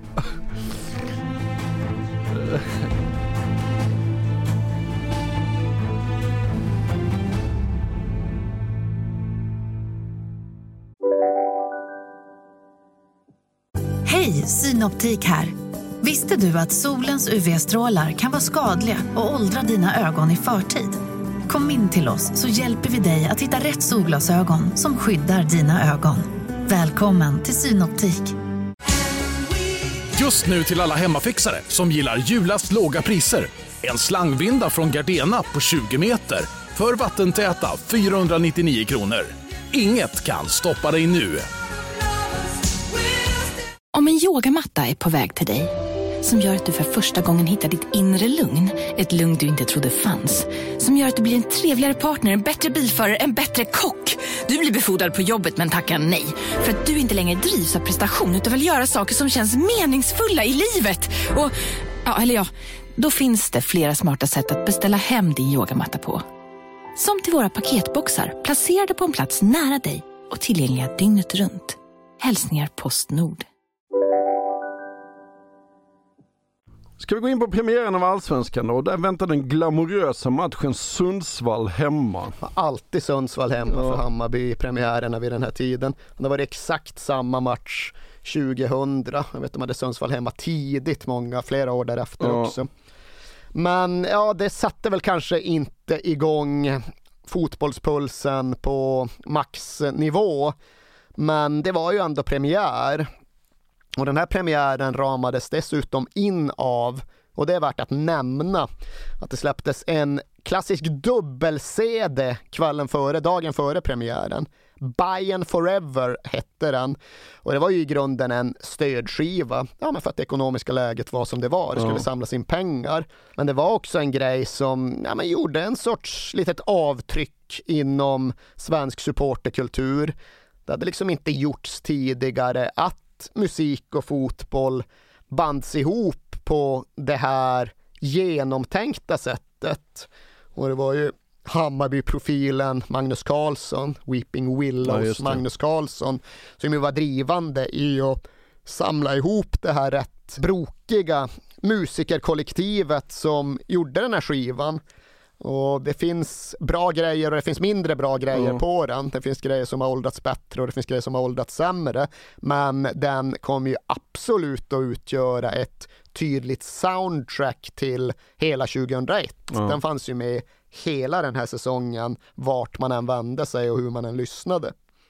För skulle det gå åt helvete, då skulle det i alla fall göra det till musik. Men det verkade ju faktiskt som att det kanske inte skulle gå åt helvete, för Hammarby lyckas vinna sin premiär. Och det är ju med darr på ribban och det är med mycket möda och stort besvär. Och Det är liksom Andreas Bild som lyckas stånga in Ja, en boll efter någon fast situation efter 20 minuter. Och sen händer det inte så mycket mer. Men det är en seger och det är ju framför allt en allsvensk premiär av det där slaget som gör det värt för oss att påminna oss en vända till om vad Söderstadion egentligen kunde vara för en plats. 20 minuter spelade. Hammarbys inkast skarvas av Peter Markstedt. Andreas Hermansson får inte in bollen, men det får Andreas Bild. 1-0 till Hammarby. Andreas Bild, premiärskytt i årets allsvenska. För objektivt sett, neutralt betraktat, så var det ju fan inte mycket till fotbollsarena. Okej, de två långsidorna gjorde verkligen jobbet. Där fanns det ju någonting i liksom träbänkarna och i klacksektionen på norra som verkligen funkade. Men eh, kortsidorna var ju bedrövliga Ja. båda två. Det är den här märkliga jävla västra kontorsläktaren som Ja. det kom att bli. Det fanns ju inte ens tusen platser på den, var ju låg så Ja, ja. in i bänken och var mest bara egendomlig.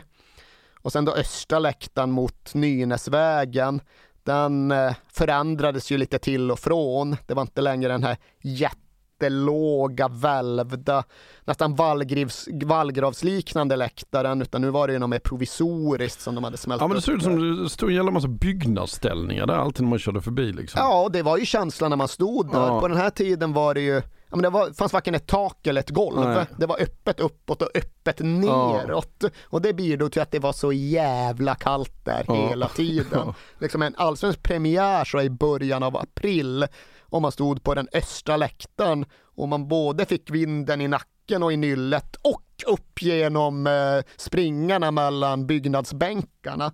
Ja, det var kallaste platsen på jorden alltså. så jävla kallt där. Men det var väl också just det skeva och asymmetriska och ofärdiga som såklart bidrog till Söderstadions magi. För det var ju en magisk plats att se på fotboll på. Inte alla dagar, men många dagar.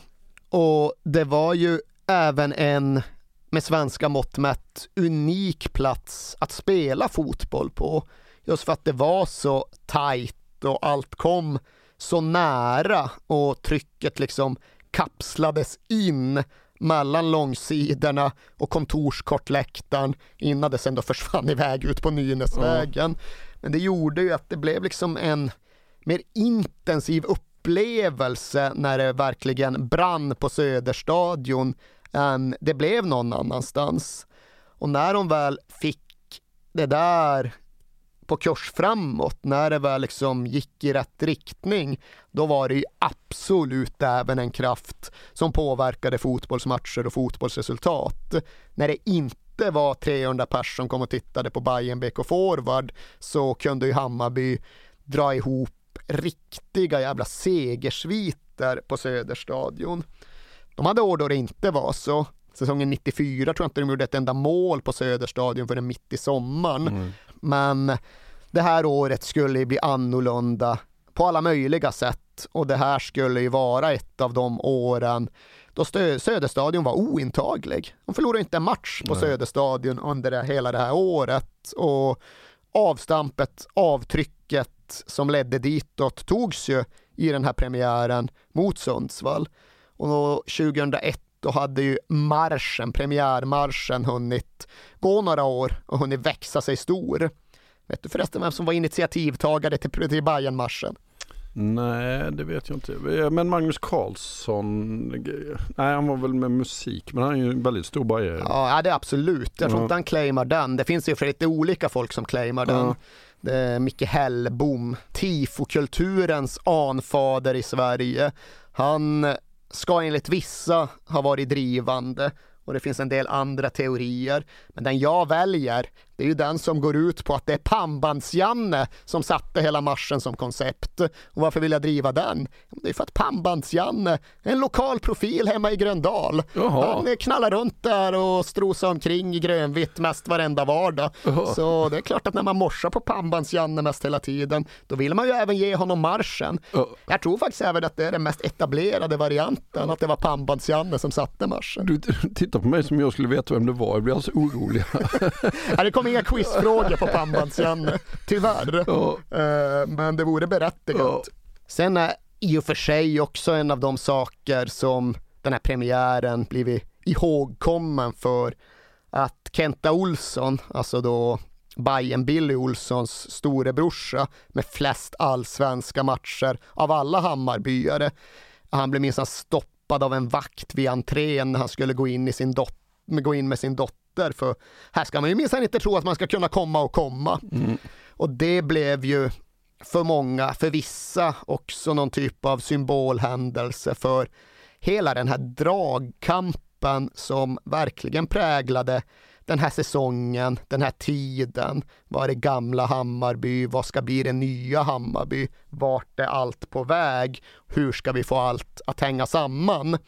Men trots allt så tycktes ju ändå föreningen och fotbollen hänga samman in i säsongen. Det var inte längre uppror runt styrelsen. Det var inte heller uppgivet nere runt fotbollsplan. Och det hade inte varit någon glansmatch som inledde allsvenskan. Men det var ändå en rätt belåten Sören Kratz som kände att ja, men det kan vara på väg någonstans det här. Och det baserade jag mycket på att han tyckte att det hade satt sig en ny typ av sammanhållning och laganda. Hade vuxit fram något där de satt på sin pizzeria i Ja, just det. Klagshamn Mm. och det hade sen fortsatt att spira någonting när de återvände till Stockholm och till träningsanläggningen på Årsta där Yvonne Werner ju hade anställts som ny kock eller Ja, kokerska. Och det var Hans jävligt- pannkakor på morgnarna. Ja, det var mest bara Sören Ja. Kratz som fick pannkakor. Jaha. För det var liksom bara specialbehandling. Jaha. Hans favoriträtt, så Sören får pannkakor. Men det var ju en ganska liksom ändå framsynt rekrytering. För när det är totalkris ekonomiskt kan man ju tänka sig att man sparar in på matlagningen på Årsta.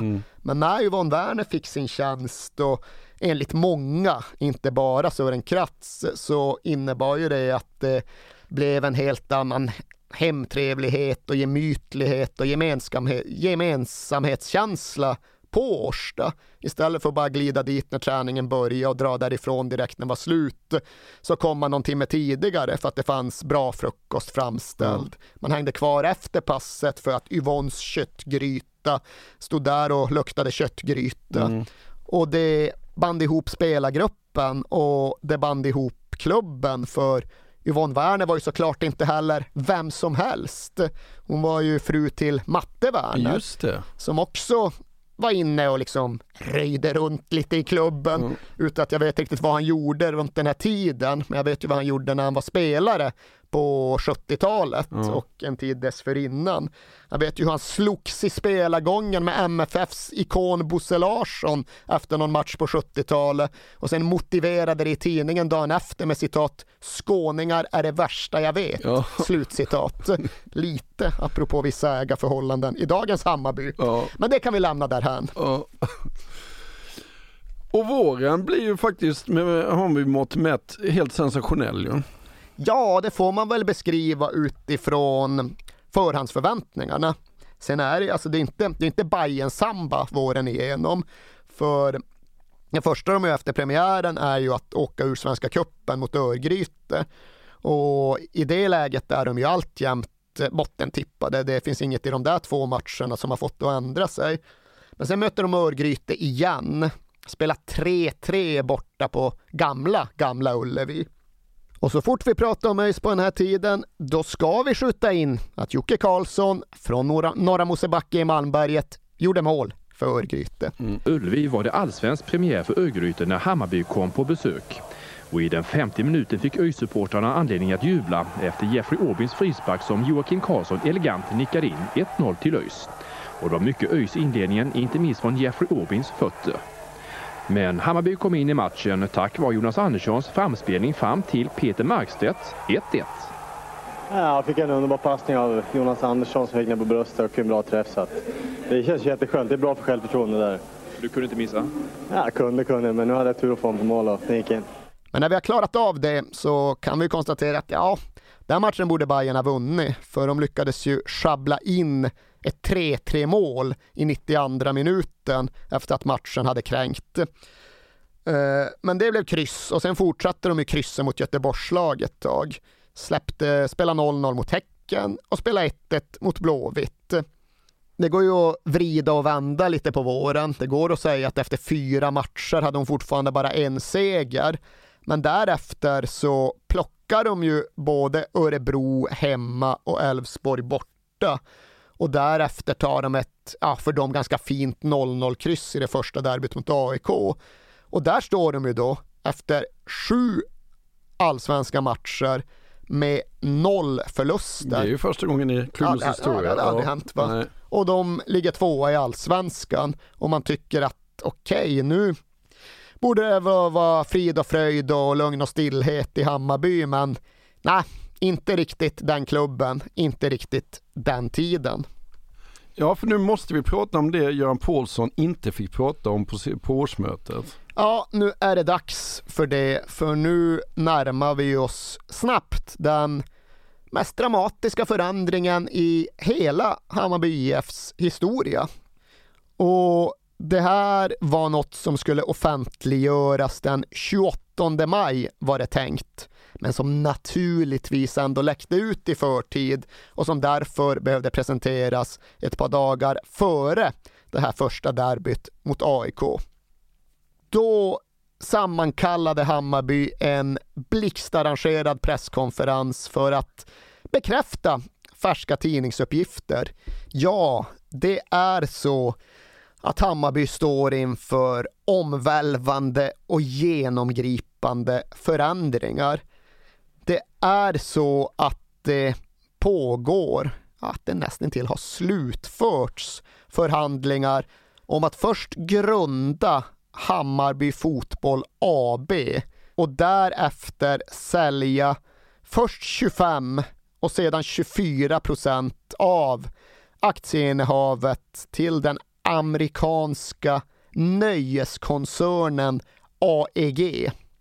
Och det här var ju en jordbävning, men det var ändå en jordbävning vars magnitud, vars utslag på den idrottsliga richterskalan skulle växa fram först över tid.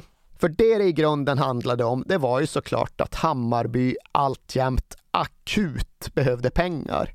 Det var inte så att skulderna försvann bara för att det avsattes en ordförande på det där årsmötet, utan skulderna fanns kvar, men skulderna behövde raderas för att Hammarby skulle få någon elitlicens, för att Hammarby skulle kunna fortsätta spela i någon av de två högsta serierna. Och den dörr som då öppnades framför ögonen på Hammarbyledningen ja, det var ju en dörr som egentligen politikerna i Stockholms stads borgerliga styre identifierade och öppnade på glänt. Det var ju så att Stockholms stad var sugen att sälja i alla fall delar av sitt arenabolag, alltså det bolag där Globen, Johanneshov och Söderstadion ingick. Och för att lyckas med det så hade dåtidens idrottsborgarråd, kristdemokraten Alf T Samuelsson, rest runt i USA och raggat intressenter. Det var liksom så det började. Stockholms stad behöver få in någon som kan pröjsa för och driva arenorna på Globenområdet. Och när de letade sådana samarbetspartners så stötte de ihop med AEG. Och AEG, Anschutz Entertainment Group, de visade sig villiga att inte bara ta över driften av de här arenorna utan även investera i någon eller några av de berörda idrottsföreningarna. Hade ju varit och nafsa på AIK Hockey, hade sonderat med Djurgården Hockey och nu så hade de då drivit igenom förhandlingarna med Hammarby Fotboll. För i det här skedet, när vi är framme i slutet av maj, så fanns det redan signerat ett så kallat letter of agreement sedan den 26 mars, alltså strax före den allsvenska premiären. Och där fanns det då underskrivna papper på att AEG i förlängningen skulle köpa 49 procent av Hammarby Fotboll AB för ungefär 25 miljoner svenska kronor. Och den minnesgoda lyssnaren kommer väl ihåg att det var 22 miljoner som Hammarby hade i skulder när årsmötet närmade sig. Och den här affären skulle ju då radera det i en typ av trollslag. Och visst, det skulle bli ett extra årsmöte bland medlemmarna för att liksom ratificera affären. Och det var först planerat att äga rum före midsommar. Men det sköts sen upp för att det var en så stor sak. Så det här kom ju därför att hänga över Hammarby hela den här säsongen. Men det var ändå ett förestående faktum. Och det var ju då återigen en enorm förändring, inte minst med tanke på vilka Hammarby var, eller i alla fall vilka de tyckte sig ha varit. Eh, och den nya ordföranden Rickard Dahlén, han var ju såklart fullt medveten om allt detta. Han var ju väldigt djupt förankrad i klubbkulturen. Och han sa det att ja, vissa kommer nog se mig som någon sorts frälsare. Andra kommer att se det som att jag har sålt ut klubben. Men valet som vi står inför, det är antingen Anschutz eller ekonomisk tvångsnedflyttning. Det är där vi befinner oss. Mm. En sak jag funderar på när jag, när jag läser om allt detta är ju att för att eh, Göran Paulsson visste ju att det här var på gång på det där årsmötet när han blev avsatt. Men sa, eh, han kunde ju inte säga någonting. Vad hade, det, vad hade det förändrat om man hade kunnat lägga fram detta? Svårt att säga, men det var tydligen så att Göran Paulsson hade själv avstått från att medverka vid förhandlingarna mellan AEG och Hammarby redan när de påbörjades. För han var då införstådd med att ja, han var inte valberedningens kandidat. Mm. Han insåg att han knappast skulle bli omvald. Och sen tycker jag ju absolut att det någonstans hedrar honom att han inte gjorde någonting för att försöka spela med de här korten sporten. Det tycker jag verkligen det gör också. För ja. han insåg ju att det skulle ju äventyra hela affären. Ja. Sen tror jag kanske också att han gjorde den korrekta bedömningen att det skulle ändå inte ha kunnat rädda honom. Nej. Det hade bara inneburit att han i så fall liksom brände bron han stod på liksom. Mm. Och skulle han ta med sig Hammarby ner i avgrunden. Och det var han ju dessbättre inte beredd att göra. Det var han en större man än att ens tänka på. Ja. Vem var Filip Anschutz då? Ja, det är ju en fråga som jag kan känna att både Hammarby och för den delen svensk media var lite väl ointresserad av att besvara vid den här tiden. Mm. För jag tycker ju att så som diskussionerna gick så fanns det ju egentligen ingen kontroll av eller berättelse kring förklaring kring vart de här pengarna egentligen kom ifrån, vart de utgick ifrån, utan det var bara pengar som pengar från USA. Det som liksom var känt, det var att Philip Anschutz hade blivit omskriven som världens sjätte rikaste man så sent som 1999 när Forbes gjorde någon ranking. Och det liksom var en uppgift som snurrade. Så okej, okay, man visste att han är rik på riktigt. Men sen var det ju mest det här med att han hade försökt köpa in sig i AIK Hockey året före. Och liksom det var väl den här finländaren Jallis som av en eller annan anledning hade fått göra affären istället. Och det innebar till exempel att gnagaren Anders Limpar, som hade spelat för Colorado Rapids i USA, ja, som ägdes av Örnsköldsfamiljen, han gick ut och beklagade sig. Han menade att AIK borde ta sitt förnuft till fånga, för han tyckte att Colorado Rapids hade funkat kanon Ja. under Örnskölds. Han kände ju dessutom Örnskölds son och det var en ganska skön lirare. Ja. Så vad var egentligen problemet? Ja, det formulerades inget problem. Jag läser liksom vad de framstående skribenterna skrev och tyckte vid den här tiden och konstaterade att Olof Lund, som ju alltjämt är en profilerad fotbollstyckare, han skrev citat Antagligen kommer en och annan kulturnisse bli upprörd och irriterad över att kapitalet vill in i hans gamla arbetarklubb. Men det finns många skäl att tacka för det här. bayern fans begrav söderromantiken, annars är ni dumma i huvudet. Mm. Slutcitat. Och ja, kanske det. Kanske ifall man just har den här utgångspunkten att det är pengar som pengar och det spelar ingen roll ifall de kommer från en medlemskassa eller en ICA-handlare eller för den delen ett shejkdöme i Abu Dhabi, en oligark i Ryssland eller en högerkristen amerikan. För okej, okay, Filip Anschutz var tillbakadragen och ganska hemlighetsfull även 2001. Det är ju alltid, han gav inte en enda intervju från 1974 och framåt. Nej. Men det var inte okänt vem han var och vad han stod för.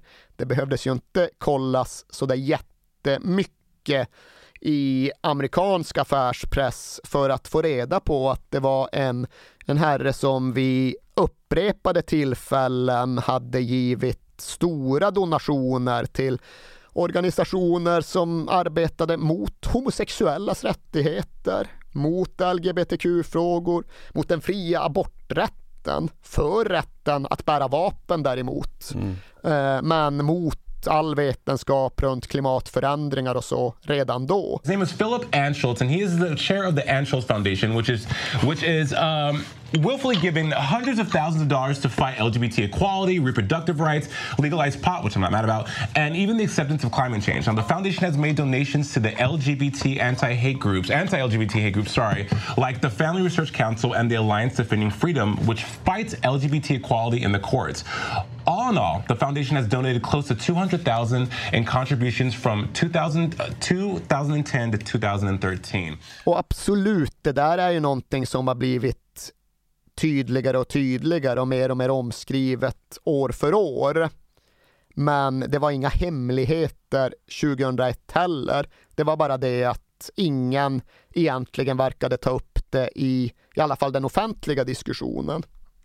Idag blir det ju mer eller mindre stora kontroverser i stort sett varenda gång Filip Anschutz köper in sig i någonting nytt. Det var bara något år sedan det var liksom ganska kraftiga svallvågor kring idén om att bojkotta musikfestivalen Coachella, den här stora hipsterfestivalen i, i öknen som han i slutändan äger och driver. Och då tvingades i och för sig Anschutz till, inte reträtt, men till några uttalanden om att ja, ja, men de där donationerna jag gjort, det var misstag. Jag gör så många donationer. Mm. Egentligen är jag ju för alla människors rätt till sin egen sexuella identitet och så vidare och så vidare. Men en annan person, någon som var liksom partner i drivandet av Coachella, gick ut och pratade lite mer utförligt. Och han var ja, väl, mer krass, mer sanningsenlig i sin kommentar. Så han bara, men vadå? De flesta miljardärer är republikaner. Så Ja. är det i USA. Ja. Han som driver Live Nation, republikan som backar Trump. Killen som rattar Ticketmaster, samma sak. Madison Square Garden, miljardär som backar Trump. Och det ska ju för säga som Philip Bunchutz att han backar inte Donald Trump. Han är mycket mer av en han är för ett mer nedtonat och tillbakadraget sätt att föra sig. Men han donerar ju svinmycket pengar till den republikanska saken. Men ja, där någonstans var vi egentligen redan 2001. Det var någorlunda välbekant vem Philip Anschutz var och vad han stod för, för den som bemödade sig att titta och det var inte speciellt svårt att eh, inse att strategin i grunden mer gick ut på att ja, men kontrollera och driva arenaområdet, det som skulle komma att inkludera Tele2 Arena, än att egentligen ratta Hammarby fotboll. Och idag brukar AEG främst då genom sina arenor refereras till som den globala idrottsindustrins allra största ägare. Och de har ju satsat tungt på fotboll, framför allt då i USA. Anschutz var med och grundade MLS för att han såg den stora ekonomiska potentialen i fotboll, i nordamerikansk fotboll. Och i olika perioder har han liksom i alla fall varit delägare till om det är sju eller åtta olika MLS-klubbar. Så det är verkligen inte så att liksom Hammarby tar emot blods eller djävulspengar på ett sätt som andra klubbar inte gör.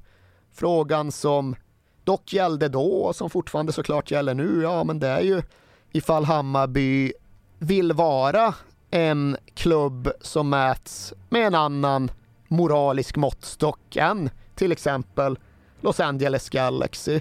Vill de vara en klubb som tänker, agerar, resonerar precis likadant eller helt annorlunda? Och det är ju frågor som inte är jättelätta att besvara entydigt. Och det är absolut frågor som ställdes 2001 och som har fortsatt ställas ända sedan dess. Men det är väl frågor som jag inte riktigt tycker innehöll det där ifrågasättandet av var pengarna faktiskt utgick ifrån när de först kom in 2001. Då var det mer en fråga om att pengar måste in och de måste in nu. Och frågan som han ställas då var väl kanske mer den här om huruvida amerikanska kapitalistpengar överhuvudtaget skulle få närma sig Hammarby än frågan om exakt vilka amerikanska kapitalistpengar det här faktiskt var.